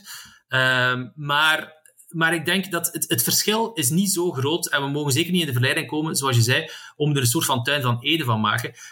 de mensen die bijvoorbeeld beweren, mensen als Rutger Bregman, en die in de traditie staan van, van, van Rousseau en die, zoals Margaret Mead ook en al die antropologen die destijds de mythe verkondigde dat jager-verzamelaargemeenschappen eigenlijk nauwelijks oorlog of geweld kenden, uh, daar klopt gewoon helemaal niks van. Dus de, op, op, op basis van de, de antropologische en, en paleo paleontologische gegevens dat we beschikken, uh, weten we heel zeker dat geweld en vooral uh, oorlog, dus het, van de ene stam die de andere aanvalt en alle vrouwen rooft en alle mannen vermoordt, dat dat schering en inslag was bij jager-verzamelaargemeenschappen. Um, en dat je, dat je dus uh, mis, misschien ietsje meer oorlog zal gekend hebben bij het begin van de agrarische revolutie. Uh, maar het, zeker als je, als je dat vergelijkt met ons moderne tijdperk, is, staat het volgens mij buiten kijf dat wij in een, een tijdperk leven dat vreedzamer is dan om het even welke andere tijd voor ons. Dat ook uh, welvarender is dan om het even welk ander tijdperk. Dat een hogere levensverwachting heeft dan om het even welk ander tijdperk. Dus het beste, denk, de beste versie van dit argument, dat je, dat je nu net hebt uh, samengevat, is dat je kan zeggen dat we eigenlijk pas de laatste twee eeuwen echt een vooruitgang hebben gekend die op kruissnelheid kwam. Dus ik ben, ik ben niet iemand die gelooft in een zeer graduele vooruitgang. Dus ik geloof niet dat elk tijdperk beter was dan het, dan het vorige. Het kan best zijn dat je op, op bepaalde vlakken een, een terugval hebt gekend. Uh, bijvoorbeeld de overgang naar de agrarische revolutie, zeker op specifieke vlakken, het, het, het gevaar van pandemieën is groter geworden. Um, en ik denk dat je inderdaad pas vanaf de 17e, 18e en dan van, vooral de 19e eeuw moet wachten tegen dat uh, die, al die maatstaven van menselijke uh, vooruitgang en ontwikkeling echt een duidelijk verschil beginnen te vertonen. Dat je echt kan spreken ondubbelzinnig over, uh, over vooruitgang. Hm. Dus ja, jager-verzamelaars hadden het misschien ietsje beter dan mensen die aan het begin van de agrarische revolutie leefden. Maar ik denk vanuit ons uh, perspectief, ik denk niet dat wij, als, je, als we verstandig zijn, in een tijd, tijdmachine zouden stappen en in om welk ander tijdperk zouden leven. Uh, niet in de, als ik zou moeten kiezen tussen een jager-verzamelaargemeenschap en, en in de, laten we zeggen, 5000 jaar geleden in Mesopotamië. Oké, als dat het dilemma zou zijn, dan zou ik misschien inderdaad voor jager-verzamelaars kiezen. Maar ik zou nog altijd niet echt uh, opgezet zijn met mijn keuze, want het is nog altijd een, het is een brutaal, een kort, een smerig uh, en, en armoedig en ellendig leven dat je, uh, dat je leidt. Zeker niet de tuin van Eden die sommige mensen ervan maken. Ja, nee, ik denk dat ik ook zeker niet voor de jagers en verzamelaars zou kiezen als ik zeker kon kiezen tussen, tussen mijn huidige leven en het leven als jager-verzamelaar. Um, maar dat zegt natuurlijk niet zo heel veel, hè? want ik heb geen idee hoe ik daarin moet overleven en ik ben dan niet gewend. Dus ik ben ook helemaal niet opgevat tegen de, de gevaren van een jagers-verzamelaarsleven. En ik zou ook waarschijnlijk niet kunnen genieten van, van het leven omdat ik nou ja, uh, ik, ik denk niet dat ik heel, een heel goede jager ben of wat dan ook. nee, maar je zou kunnen zeggen, waar zou je willen geboren maar... worden? Je, je, ja, je, kan altijd, je hebt uiteraard culturele kennis en uh, iemand ja. dat je natuurlijk opgroeit in zo'n jager-verzamelaargemeenschap en je hebt nooit iets anders gekend. Ik zeg niet dat die ja. mensen daar altijd doodongelukkig zijn of zo, uh, maar, maar, ik, maar, maar, maar precies ook omdat ze, omdat ze niks beters niks beters kennen, omdat ze gewoon kindersterfte erbij nemen, denk ik wel dat je ja, dat het dus verschil heel zegt, groot is met onze tijd. Ja, dus wat je zegt uh, is uh, wel, misschien is inderdaad die switch van de agrarische samenleving uh, vanuit de jagerse samenleving een stap achteruit geweest. ik heb ook wat dingen gelezen waarin, ik weet even niet meer de bronnen en de auteurs, maar waarin de, in ieder geval de claim werd gemaakt dat die switch naar de agrarische samenleving niet zozeer was omdat ze dachten dat het een betere manier was van leven, omdat, maar omdat ze niet meer konden migreren naar Eurazië of iets dergelijks, omdat die passen afgesloten waren, dus dat is uit noodzaak. Dus het kan wel het was uit noodzaak, ja. Ja. Dus Jared, wel... De stelling van Jared Diamond is, het is de grootste uh, vergissing geweest uit de menselijke geschiedenis. Dat is vooral Jared Diamond die daarmee bekend is geraakt met dat idee ja. van die agrarische revolutie. Echt complete vergissing geweest. dus het kan wel best wel zijn dat dat, dat uh, toen, uh, toen voor een le lagere levens standaard zorgde. Maar dat wil niet zeggen dat we eh, in de eeuwen daarna en millennia daarna ervoor gezorgd hebben dat we nu op een veel betere en een uh, veel betere levenskwaliteit hebben dan voor die agrarische samenleving. Het is niet zo dat Precies, ja. als je eenmaal omlaag gaat uh, in de kwaliteit, dat je alleen maar omlaag kan en niet verder omhoog kan. Toch? Is dat een maar beetje... Dan, zeg dan nog eens het laat, laatste ja, punt. dus het is niet zo dat als we eenmaal omlaag gaan in levenskwaliteit, dat we alleen maar omlaag kunnen en niet nog een keer omhoog kunnen gaan verder voorbij onze beginpunt. Ja, ja precies. Het is ook zo, uh, um, als we als jager-verzamelaars hadden blijven leven, hadden we per definitie nooit de, de, vooruitgang gekend die we vandaag kennen, want daar heb je sedentaire samenlevingen voor nodig. Daar heb je ja. een, uh, een, aparte klasse voor nodig die zich bezighoudt met ja, nadenken en dingen uitvinden, die uh, een, een een, geheel, een, een kennis gaat opbouwen, dus die ook dingen op papier gaat zetten en, en die bibliotheken enzovoort. Dus je hebt cumulatie nodig van, van culturele kennis. En uh, je zou misschien wel kunnen zeggen dat het, dat het een, een tijd lang geduurd heeft tegen dat die agrarische revolutie echt iets begon op te leveren. In de zin van, ja, tegen dat je dan echt uh, van een verlaging terug naar een verhoging gaat van levensstandaard, daar kunnen we over discussiëren wanneer dat, dat precies gebeurd is. En dat, denk de vraag die daar, daarbij vooral moet stellen is, ja, voor wie? Uh, er zijn natuurlijk mensen, Romeinse senatoren bijvoorbeeld, uh, of patriciërs in het Romeinse Rijk, ja, die hadden natuurlijk een veel betere levensstandaard dan, de, dan de gemiddelde Romein of de gemiddelde slaaf, uiteraard.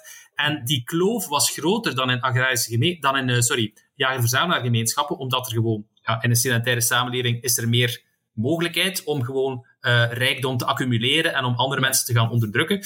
Um, ik denk, de, de, het, als, je, als, je, als, je, als het gaat over de levensstandaard van de, de, de gewone man, de, de, de gewone uh, boer of de gewone landbouwer, dan denk ik inderdaad dat je moet gaan wachten pas tot in de 19e eeuw totdat je een grote verbetering zag. Voor de rijke mensen was er al, was er al veel langer. De, ja, de Romeinen die hadden, die hadden centrale verwarming en die, hadden, die konden ijs in hun, in hun wijn doen en die, uh, ja, die, die werden uh, bedoel, de, voortdurend onderhouden en in, in, in, in comfort gehouden door een ja, personeel dat, dat gewoon uh, daartoe gedwongen werd. de, en, de grote verbetering... We, als we even teruggaan nog naar Rousseau. Um, Rousseau, heeft, uh, uh, Rousseau is bekend geworden, ik ben, hij was al bekend volgens mij, in ieder geval een van zijn belangrijke essays is waarin hij uitlegt dat de mens in een maatschappij alleen maar verderfelijker wordt en slechter wordt. Uh, en daarin gaat hij, gaat hij in tegen, volgens mij toen de tijd wat redelijk algemene kennis, namelijk dat maatschappijen over de mens in een maatschappij veel beter en schoner is dan, dan de savages. Um, ik kan me eigenlijk willen voorbereiden door uh, dat uh, te lezen van Rousseau, maar ik ben er gewoon helemaal niet aan toegekomen. Dus hopelijk uh, weet jij er iets van. Maar ik zal even wat dat idee een beetje parafraseren of een beetje uit de losse pols gooien. En ik denk dat het hem wel, wel een beetje aansluit bij Rousseau, zoals ik hem ken van hoe ik het tijdens mijn opleiding geleerd heb. Um, ja, precies. Want vandaar is de Rousseau wordt ja, soms als een, eh, tot, een, tot de verlichting gerekend, maar eigenlijk neemt hij een heel speciale plaats in, in die verlichting, omdat hij precies um, ja, de hele menselijke beschaving eerder als een, als een achteruitgang ziet uh, ja. ten opzichte van een aardsparadijs dat er ooit geweest is. Uh, nu, er zijn een aantal vlakken waarop Rousseau het zeker bij het verkeerde eind had en, en daar, daar twijfelt zeker uh, op dit moment niemand meer aan. Bijvoorbeeld, Rousseau uh, was ervan overtuigd dat wij vroeger solitair leefden. Hè, dat wij vroeger eigenlijk gewoon uh, ja, als nomaden rondzwierven, eigenlijk op ons eentje. En dat het pas is toen, dat we, toen dat we in grote groepen gingen samenhokken, dat er dan allerlei ellende over ons is neergedaald. ja, daarvan weten we uiteraard dat die, die tijd is er nooit geweest. Mensen zijn altijd een sociale diersoort geweest, hebben altijd in stamverband geleefd. Um, Rousseau was er ook van overtuigd dat bezit niet bestond. Dus eh, je hebt dat beroemde citaat waarin hij zegt, ja, de, de, eerste man die een stuk grond heeft afgebakend en die heeft gezegd, dit is van mij, dat is de grootste, die heeft het grootste verderf over de mensheid uitgestort. Uh, dat is een interessante, over hebben. Wel, ja, kijk, uh, als je nomadisch bent, uiteraard, dan, uh, het, het, dan, dan is het concept van bezit van land waarschijnlijk een nogal bizar. Um, nou, in, in de zin misschien nog, nog iets verder dat bezit kan volgens mij alleen mogelijk zijn vanwege het kunnen opstellen van contracten.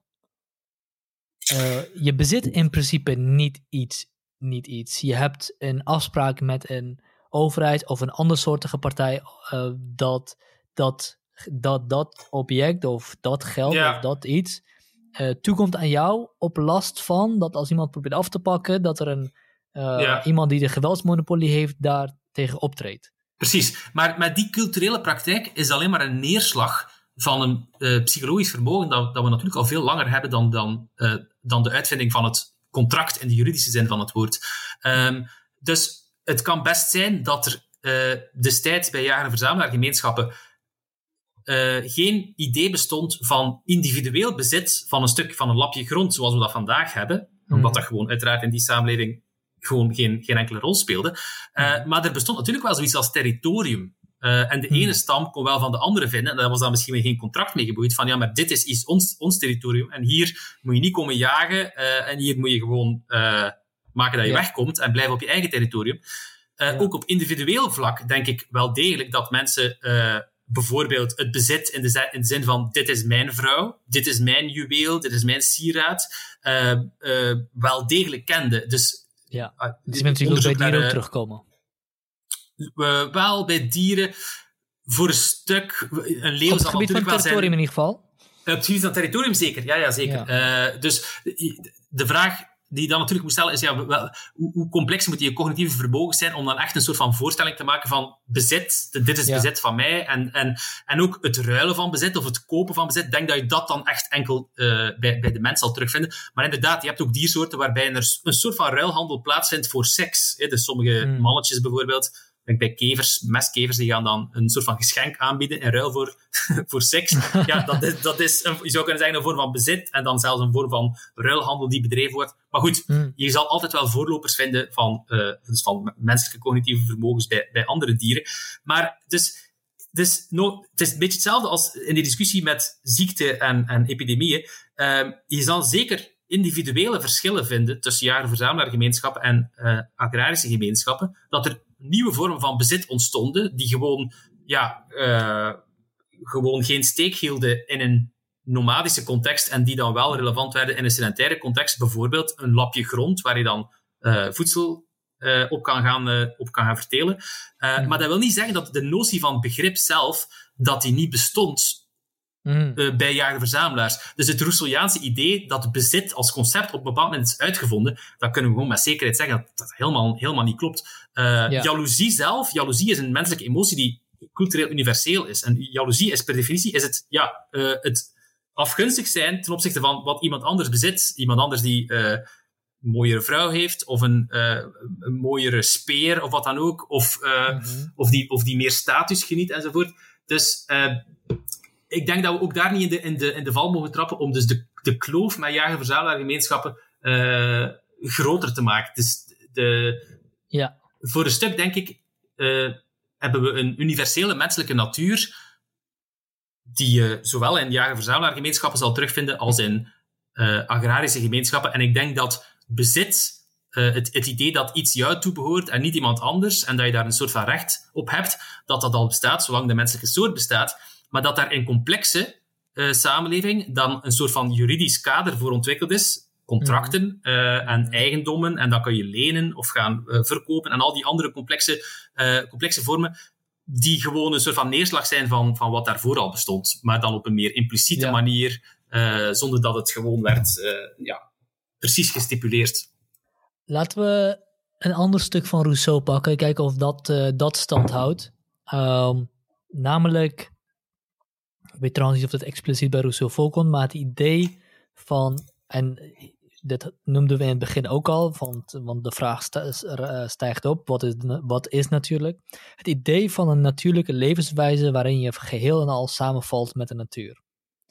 Waarin je uh, bewust bent van het feit dat je leeft op een levende aarde, wat dat ook mag betekenen, in plaats van een uh, lapje grond waarbij je mag waarbij je kan doen wat je wilt.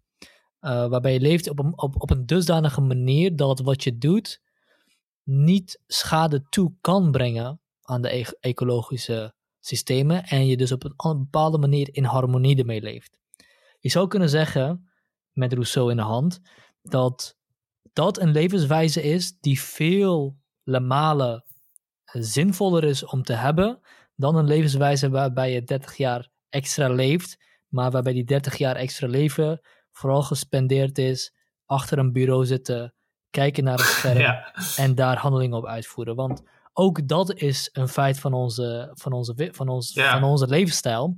Namelijk dat het grootste deel van onze interactie met de wereld plaatsvindt door middel van een uh, scherm waarbij we data en informatie uh, uh, manipuleren, die vooral cognitief van aard is. En ik denk dat we dat we het wel evident kunnen uh, vaststellen dat cognitie niet de weg naar, uh, naar geluk is in het leven. Misschien zelfs het tegenovergestelde.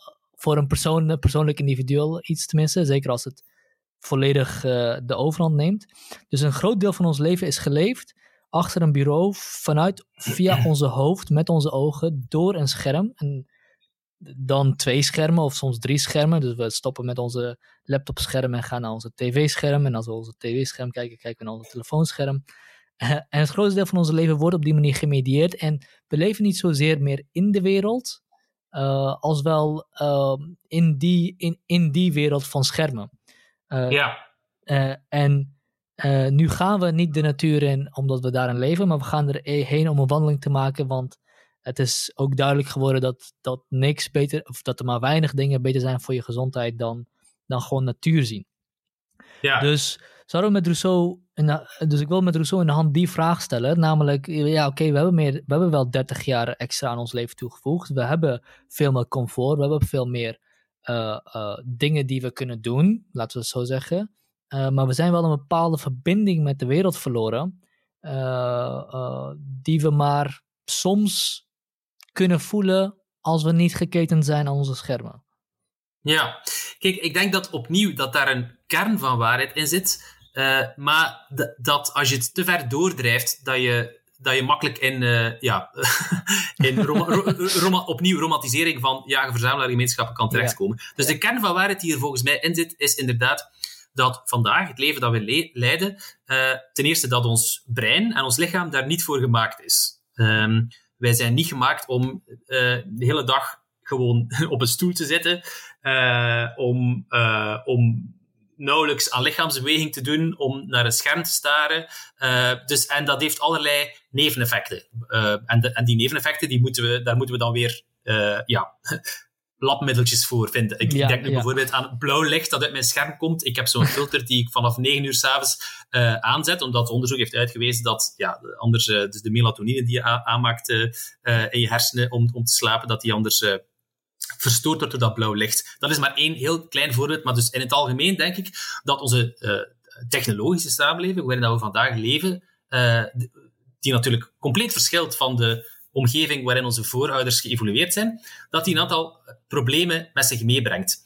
Als je alleen maar in een stad leeft waar, zelfs, ja, waar, waar geen, geen bomen of geen groen meer is, en dat, dan denk ik wel ook dat je kan aantonen dat je daar niet gelukkig van wordt. Dus ik denk dat je op een of andere manier wel een gevoel van verbondenheid moet, moet hebben met, met de natuur. En mensen ervaren dat ook. En je kan dat ook wetenschappelijk, je kan, je kan het met de beste wetenschappelijke methodes gaan onderzoeken, dat precies uh, een, een gevoel van contact met de natuur, met dieren, met planten, met bomen enzovoort, uh, dat, dat, dat dat goed is voor ons mentaal welzijn. Aan de andere kant, en daar is dan denk ik waar ik, uh, waar ik ja, er vrij radicaal inga tegen wat, wat Rousseau daarover verkondigt, uh, namelijk dat het is niet omdat mensen destijds in die natuur leefden en natuurlijk geen last hadden van al die kwaaltjes van onze moderniteit waar wij wel last van hebben. Schermen en, en, en smartphones en wat weet ik allemaal.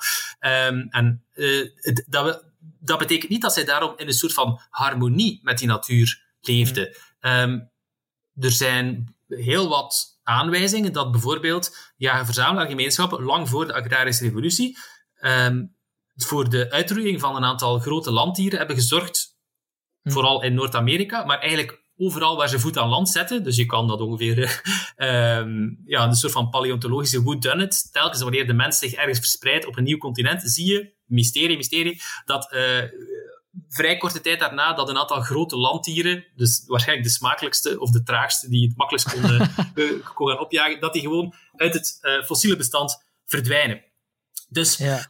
um, ook een jager-verzamelaar uh, kan behoorlijk wat ecologische schade aanrichten.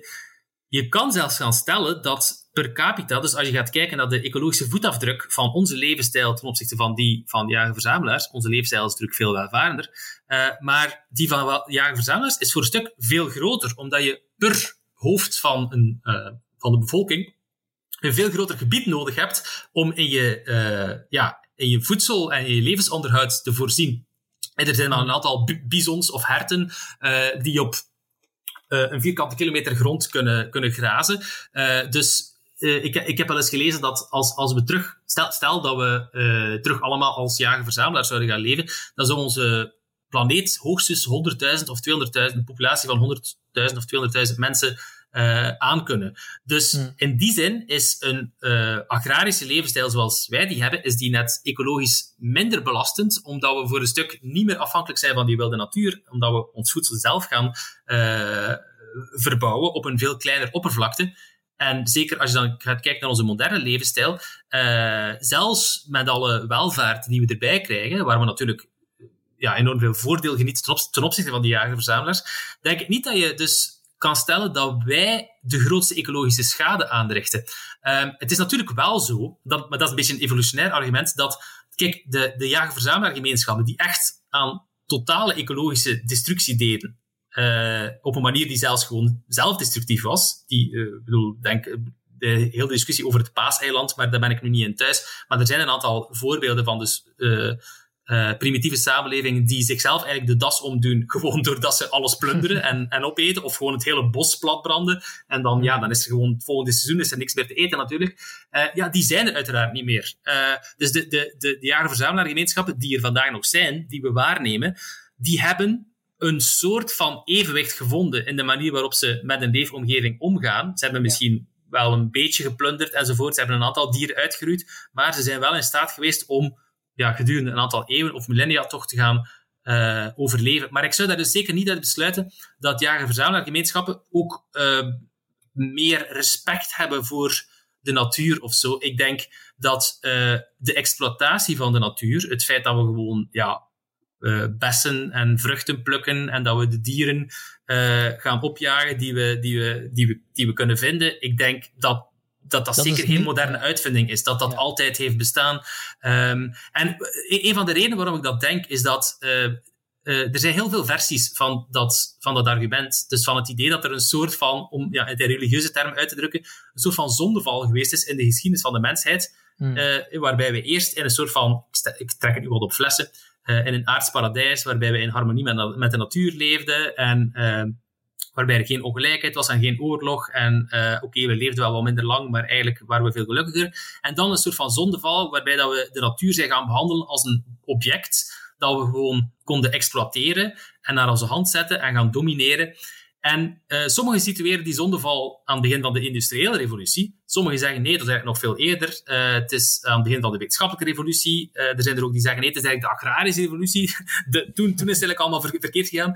En het feit dat er verschillende versies bestaan van, die, van, dat, van dat verhaal van de zondeval, doet me wel een beetje twijfelen of dat, dat, er, dat, of, of dat die zondeval er ooit geweest is. Dus ik, ik, ik denk dat de, de manier waarop we de natuur exploiteren en aan onze hand zetten, die is radicaal veranderd. We zijn gewoon, ja, we hebben veel meer macht over de natuur verworven, gewoon door technologie en door vooruitgang. Maar de mentaliteit waarbij dat mensen gewoon gebruik maken van de natuur, zoals ook in de Bijbel staat, eh, ja, gewoon, je bent heren, de, de dominion, dus meesterschap, uh, over, over, de, over de wereld, waarbij je gewoon gebruik kan maken van de dieren en de planten die er zijn. Ik denk dat dat zo uit is als, de, als, als ons menselijke soort. Ja, wat je dus zegt is, uh, een belangrijk ding wat je noemde ook uh, in deze uitleg was het verschil tussen vormen van jagers-verzamelaars samenleving. Het is niet evident, omdat er nu jagers-verzamelaars zien die nog nu nog overleven, die wel een bepaalde balans hebben in, in de omgeving waar ze leven, dat dat niet evident betekent dat elke vorm van jagers-verzamelaars uh, een, een soort balans met, met, met hun natuurlijke omgeving hebben. En dat zien we dus ook terug in onderzoek waarin bepaalde gewoon landdieren gewoon uitgegroeid worden zodra daar mensen komen wonen. Dus dat betekent dan ook dat uh, als dat niet noodzakelijk is voor een, uh, voor, een voor een levensstijl die in een harmonie of in ieder geval in balans met de natuur is, betekent dat dus niet dat een agrarische samenleving per definitie niet in balans kan zijn met de, met de natuur. Het heeft te maken met de manier waarop we de natuur exploiteren. Exploiteren klinkt natuurlijk negatief, maar ik bedoel het gewoon in de technische zin van het woord, exploiteren. Uh, ja, dus ik... het gaat er niet zozeer om de volledige levensstijl, maar hoe we gebruik maken met de, laten we zeggen, natuurlijke bronnen van onze, van onze omgeving. Precies, en uh, wat, wat, dat betreft is er volgens mij ook een, een enorme misvatting in heel dat idee van in harmonie leven met de natuur. Uh, ik, ik ben er ook voor. Uh, dus ik, ik, ben, ik vind ook dat we meer respect moeten hebben voor de natuur en dat we een kleiner beslag moeten leggen op de natuur.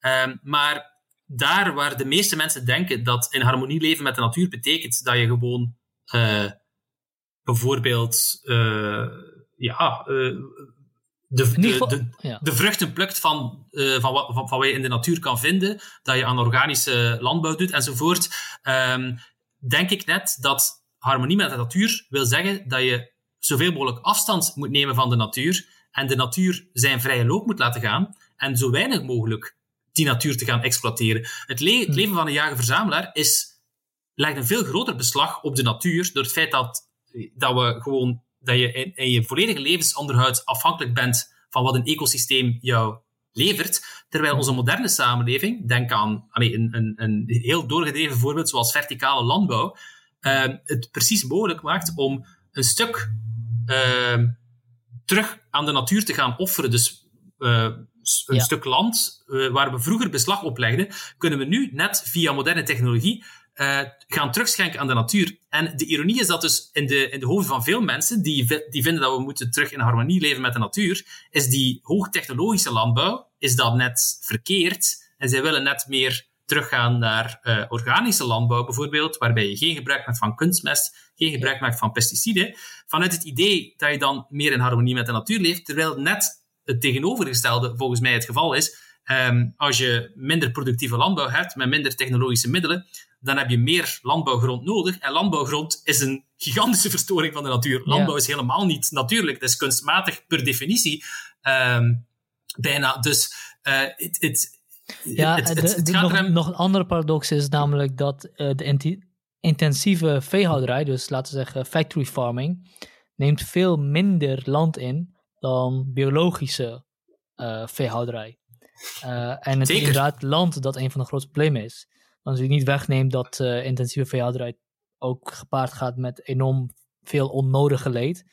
En, en horrorverhalen over hoe met dieren omgegaan wordt. Maar daar zit inderdaad wel een paradox, zoals je, zoals je zegt.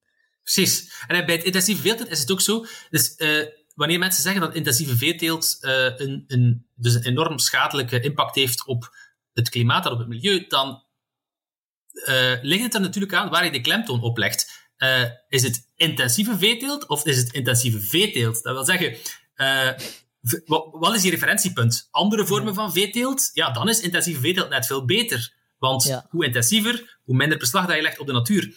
Maar als je uh, veeteelt vergelijkt met andere vormen van voedsel, ja, dan is intensieve veeteelt uiteraard slechter. Het is nog altijd slechter om gewoon geen rundvlees te eten. Ja. Maar als je dan toch rundvlees eet, als je zegt van ja, ik kan het echt niet laten, want ik vind het zo lekker, of whatever. Mm uh, of er is nu eenmaal vraag naar, dus we gaan proberen die vraag te voorzien.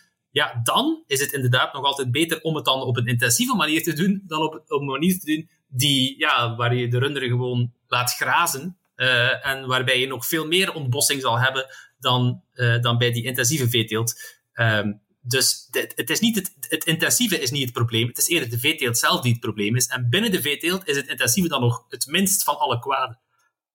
Ja, als je kijkt naar uh, ecologische problemen, maar als je kijkt naar het leed wat dieren aangedaan wordt, is het een heel ander verhaal. Want oh ja, uiteraard. Ja, dat, ja, dus, volledig, ja. ja. Dus dat hebben we nu niet meegenomen, want, want dat leed... Kijk, dieren kunnen natuurlijk zichzelf niet uiten, die kunnen natuurlijk niet voor zichzelf staan. En, uh, en we, we hebben toch heel vaak het idee dat, dat het leed van een dier minder belangrijk is dan die van een mens. Maar het is, leed is leed, zou ik willen zeggen. En uh, ja? Ja, dat, dat, wel, dat klopt. Maar ik, uh, nu, dat, dat, is een, dat is een filosofische discussie van ja. waar trek je de grens? Dus welke dieren kunnen lijden, welke dieren kunnen niet lijden. We zijn intuïtief geneigd om te denken, ja, ofwel leid je, ofwel leid je niet. Uh, dus het is een soort van vermogen dat je, waarover je ofwel beschikt ofwel niet beschikt, zoals een lampje dat je aan en uitknippert. Maar vanuit evolutionair oogpunt is dat eigenlijk zeer onwaarschijnlijk. Dus okay. bijna alle uh, adaptaties in, in, in de natuur zijn, komen in gradaties, zijn heel geleidelijk aan ontwikkeld. Dus we zouden eigenlijk er moeten van uitgaan dat er dieren zijn die ja, in meer of mindere mate een klein beetje kunnen lijden, of een zeer primitieve vorm van lijden kunnen hebben.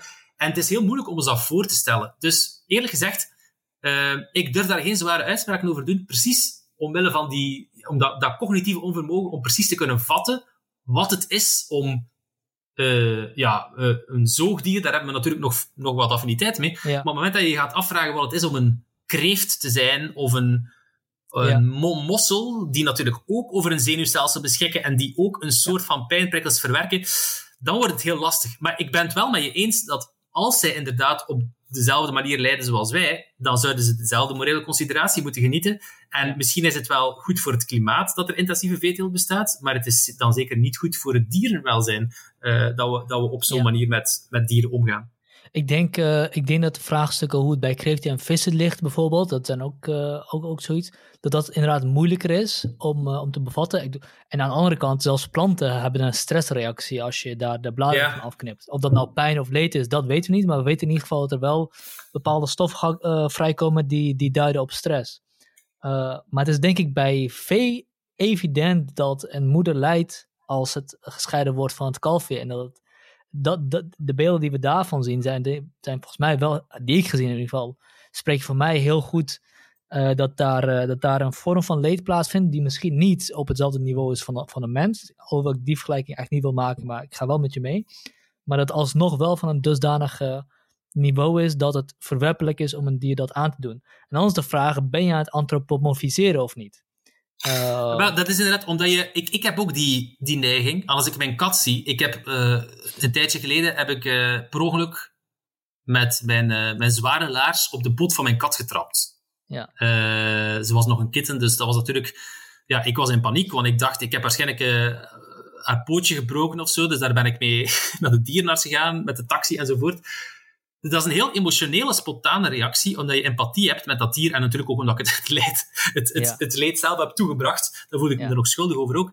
Maar is het daarom de rationele houding? Ga ik er daarom van uit dat ik nu goede argumenten heb om uh, dus echt een soort van ja, subjectieve ervaring van pijn aan mijn kat toe te schrijven? Dat weet ik niet. En het is precies ook omdat je zegt uh, als je kijkt naar de beelden van een kalf dat van zijn, van zijn moeder wordt gescheiden, bijvoorbeeld, ja, het, het lijkt zo vanzelfsprekend. En het is, dat, het is iets dat ons zo emotioneel aangrijpt, dat het mij ook een beetje achterdochtig maakt. Want ja. E-, emoties zijn meestal geen goede leidraad om uh, een inschatting te maken van, van wat er echt in, in, in het hoofd van die dieren omgaat. Zoals je zegt, zelfs planten hebben een bepaalde vorm van stressreactie waarop, waarop ze kunnen reageren. En ook daar zelfs, je zou, ja, je zou het heel ver kunnen drijven, ook daar een soort van pijn of een negatieve ervaring aan gaan toeschrijven.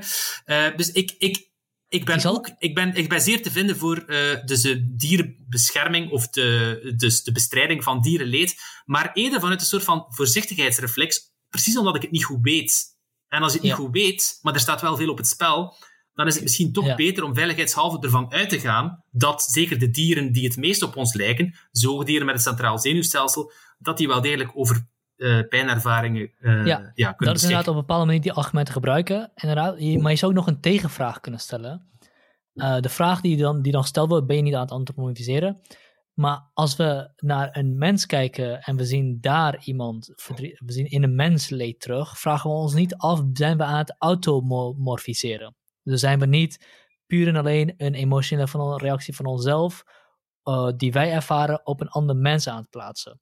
Uh, vandaar, bij, bij, bij mens tussen mens, gaan we ervan uit, als we leed zien, dat er ook leed plaatsvindt. Uh, ja, dus dan is de vraag, is, dus er, is een, er is een evidente reactie, en dan, ik snap dat je het argument kunt maken van, dat is iemand van je soort, en die lijkt veel meer op jou, en daar ben je ook evolutionair op getraind om, laten we zeggen, zo zeggen, om, om dat leed te herkennen. Um, maar ik, ik denk dat als je daar een leed herkent, eh, dat de vraag ben je antropomorfiseren op, op die situaties van minder belang is dan op andere situaties. Dus je kan best vragen, als een, koe, als een kat naar je toe komt en die geeft je een knuffel, uh, ben je aan het antropomorfiseren dat hij jou denkt dat, dat hij denkt dat jij een vriend van hem bent? Of is hij gewoon op zoek naar aandacht of op zoek naar eten?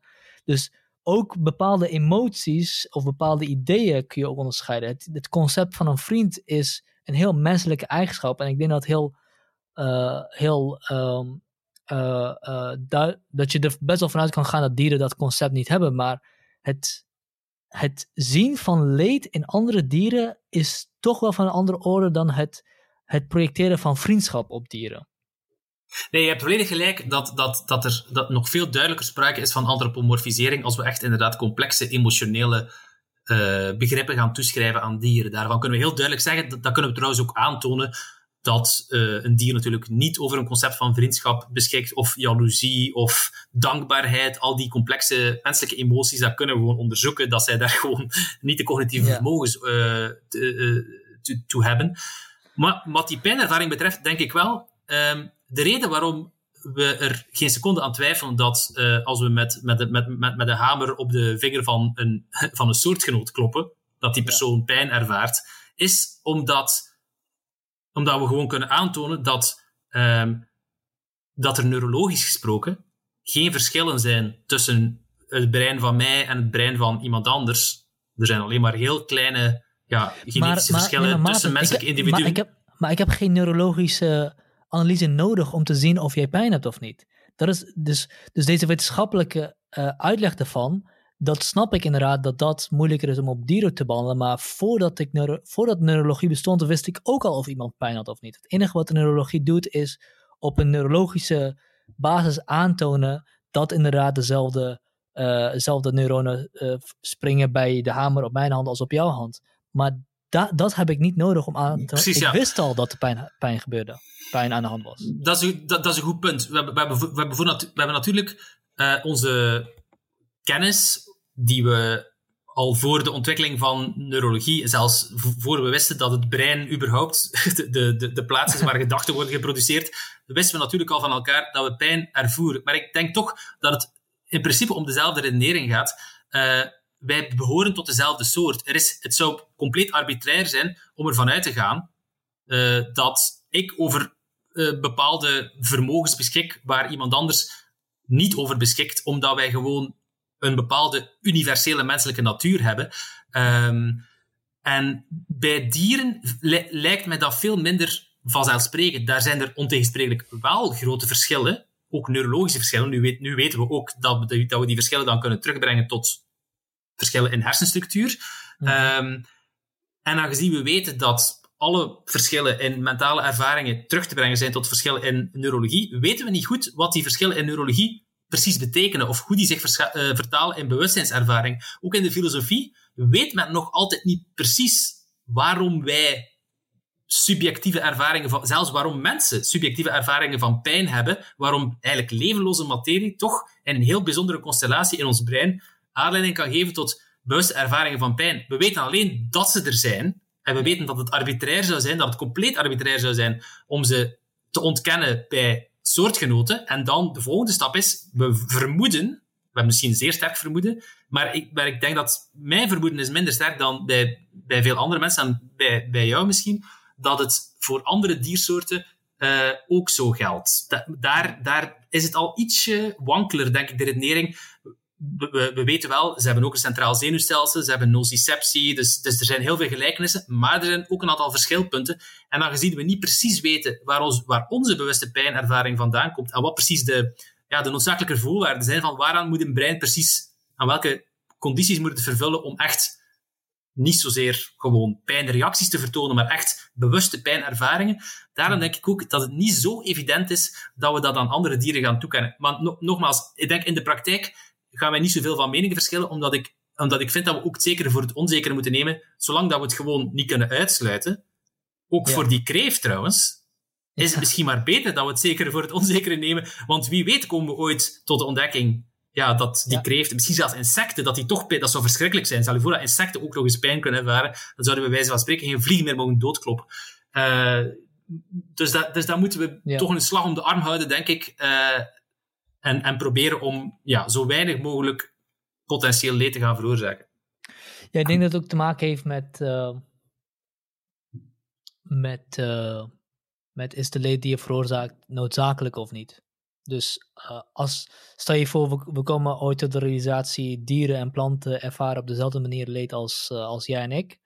En, en komen dan tot een besef, nou, ik wil niet dat, dat de leed die ik niet ervaar, anderen ook niet ervaren. Dan is er nog steeds maar de vraag, maar ga je dan stoppen met, met eten? En ik denk dat dat niet het geval kan zijn. Ik denk niet dat je dat gerechtvaardig is om, om niet in je eigen levensvoorziening uh, uh, te werken voor je eigen levensvoorziening. Dus ik denk zelfs dat in dat geval zal je het argument kunnen maken, oké, die dan, dan eten we dieren niet, maar planten gaan, blijven we nog steeds wel eten. Wetende dat, dat wetende, even ervan uitgaan dat de hypothese klopt, um, dat uh, zij dezelfde leed ervaren als ik wanneer mijn arm afgehakt wordt. Uh, dus ook het vermijden van leed op zichzelf kan niet de uiteindelijke doelstelling zijn, maar wel het vermijden van noodzakelijk of on, onnoodzakelijk leed. Dat is een goed punt. Ja, als, je, als de enige manier om zelf in leven te blijven erin bestaat dat je, dat je lijden veroorzaakt, bijvoorbeeld zelfs bij planten, als we er nu inderdaad van uitgaan dat zelfs planten over, over uh, uh, pijnervaringen zouden, zouden beschikken, ja, dan, dan moeten we inderdaad misschien maar gewoon het leed zoveel mogelijk beperken tot een, tot een minimum. Um, in plaats van gewoon te ophouden met te eten. Dat, dat, uh, nu ja, het, ik denk, maar het, het, zou natuurlijk het zou een enorme moreel drama zijn. Als we, ik, ik hoop uh, ook zelfs nog los van onze eigen vleesindustrie.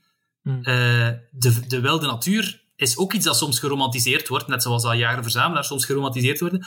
De wilde natuur is een verschrikking voor alle, alle dieren die bewuste pijnervaringen kunnen, uh, kunnen hebben. Die, die worden van binnenuit opgevreten door parasieten. Die worden, komen meestal uh, aan een einde uh, door een of ander roofdier. Het zit ergens in de food chain. Um, ergens is dat, als je het helemaal doordrijft, als je er echt vanuit gaat dat, zoals je daarnet zei, dat lijden lijden is en dat, dat elk wezen dat over uh, bewuste pijnervaringen beschikt, dat dat morele consideratie geniet, dan zou je bijna moeten zeggen, we moeten in de natuur zelfs gaan ingrijpen. We moeten proberen om ecosystemen... Er zijn filosofen die zo ver gaan, die zeggen, we moeten ecosystemen zo naar onze hand zetten dat we ten eerste alle parasieten gaan uitroeien, dat we misschien roofdieren op een manier gaan isoleren, in reservaten gaan stoppen, en dat we ze alleen maar vegetarisch eten gaan geven, enzovoort. Um, ik, ik zeg niet dat ik daarvoor pleit of zo, maar, maar ik, ik denk sowieso is het... Uh, uh, sowieso eigenlijk, eigenlijk zou je moeten hopen uh, dat bewuste pijnervaringen, dat dat zo zeldzaam mogelijk is. Dat wil zeggen dat zo weinig mogelijk diersoorten daarover beschikken. Want eigenlijk elk, elke keer dat je het nieuws krijgt van, ah, oei, deze diersoort uh, die kan ook over pijn beschikken, ja, dat is eigenlijk een moreel drama. Want alles in de natuur, of het nu in de wilde natuur is, of uh, zelfs gedomesticeerde dieren, ja, daar, daar denk ik is de balans uh, van tussen pijn en, en, en genotservaringen, of tussen, tussen positieve en negatieve ervaringen, haalt eerder in de negatieve kant uit. Ja. Ik denk dat ik ga, sorry, Sjaat, ik even even naar het toilet, want ik merk dat ik mijn, mijn concentratie een beetje aan het verliezen ben. Omdat ik we kunnen ook, we kunnen ook afsluiten, want we zijn best wel lang, lang aan het spreken. Uh, en ik vind het ook best wel prima om dit draadje op te pakken op een volgende keer. Want ik denk dat, uh, dat we hier oh, op, op, een stuk uitkomen wat, waar we misschien zelfs naar wat boeddhistische filosofie kunnen kijken. In de zin van dat het leven leiden is. Of misschien Schopenhauer om wat dichter bij huis te houden. Maar ik, ik vind dit best wel een mooi afgerond geheel voor, uh, voor wat we besproken hebben. Oké, okay, dat is uit, goed, ja. Ja, we zijn uitgekomen bij, bij leed. En wat doe je met, met het, met het idee dat, dat het leven vol zit met leed? En wat, hoe ga je daarmee om? Uh, dat, dat raakt ook aan de klimaatdiscussie en, uh, en dergelijke. Ja, het is eigenlijk ook voor een stuk, dus de, uh, het verhaal van menselijke vooruitgang dat ik daarnet verteld heb, is eigenlijk ook een verhaal van de eerste diersoort op aarde die erin geslaagd is om haar uit haar eigen miserabele conditie te ontsnappen. Dus het is niet alleen de, de mens die destijds uh, ja, gewoon een kort en brutaal en ellendig leven leiden, zoals, zoals uh, Thomas Hobbes destijds zei. Maar dat geldt natuurlijk voor elke diersoort. En voor een stuk geloof ik wel dat, um, omdat wij nu als mensheid voldoende kennis hebben verworven en voldoende technologische mogelijkheden, dat wij in principe ook, zelfs voor andere diersoorten, misschien zelfs de beste hoop zijn op een beter leven. Nu klink ik misschien een beetje, misschien een beetje evangelisch of zo, maar ik wil zeggen, uh, dit is de eerste keer in de geschiedenis van de planeet dat er een diersoort is die intelligent genoeg is om zich bewust te zijn van andere dieren, om daar een mm. voorstelling van te maken, en om zich daar ook iets van aan te trekken, om, te gaan, zich, om, te, om zich te gaan bekommeren om het leed van andere dieren, om zich te gaan bekommeren om de toestand van de hele planeet, om ervoor te zorgen dat er geen dramatische klimaatopwarming is, om er misschien ook voor te zorgen als er ergens uh, uh, gigantische bosbranden zijn, dat de natuur zich weer kan herstellen, als er een asteroïde hmm. op ons afkomt, dat die wordt afgebogen of zo. Dus vroeger uiteraard was die menselijke factor er niet en dan was het gewoon de ene ramp na de andere. ja. En nu voor het eerst in de geschiedenis is er een diersoort die uh, niet alleen voor zichzelf, maar ook voor de rest van de natuur misschien een betere wereld kan tot stand brengen dan er de afgelopen mm, 3 miljard jaar geweest is. Want die dat leven voor die andere diersoorten, als we er nu even van uitgaan, dat die inderdaad lijden. En dat lijkt mij plausibel, zeker voor de gewervelde dieren uh, met een centraal zenuwstelsel. Ja, dat was uh, niet bepaald een pretje. Dat is eigenlijk een verschrikking om, uh, om het even welke andere diersoort te zijn, denk ik. Ja, je geeft ons hier wel een grote verantwoordelijkheid mee als mensheid. Ja, um, da daarom ook dat ik, dat ik mijn boek eindig met het idee dat niet zozeer hoogmoed het probleem is, maar valse bescheidenheid. Omdat je in, in veel klimaatboeken kom je dat idee tegen en dan uh, verwijs ik opnieuw terug naar de, de zondeval. Dus eh, vroeger leefden we in harmonie met de natuur, maar dan plots werden we heel arrogant en gingen we de natuur exploiteren enzovoort. Uh, en de oplossing van veel klimaatactivisten is dan, we moeten terug bescheidener gaan leven, we moeten terug onze plaats kennen als dier onder de dieren. Ik denk net dat we het tegenovergestelde moeten doen. Ik denk net dat we veel meer ambitie moeten tonen Ten eerste omdat het probleem gewoon zo'n grote omvang heeft dat, dat we het enkel met ambitie gaan waarmaken en niet met een soort van valse bescheidenheid. En, uh, en ook dat, dat onze grote macht ook voor grote verantwoordelijkheid zorgt. Vroeger wisten we gewoon niet beter. We wisten niet eens wat CO2 was. We, we, we hadden gewoon niet de mogelijkheden om ja, iets te veranderen aan gewoon de miserabele conditie van, niet van onze eigen soortgenoten aan de andere kant van de wereld, laat staan die van andere dieren. Maar vandaag komen we in een toestand waar we steeds meer uh, mogelijkheden gaan ontwikkelen om ons wel te gaan uh, ontfermen over andere diersoorten, over de hele natuur.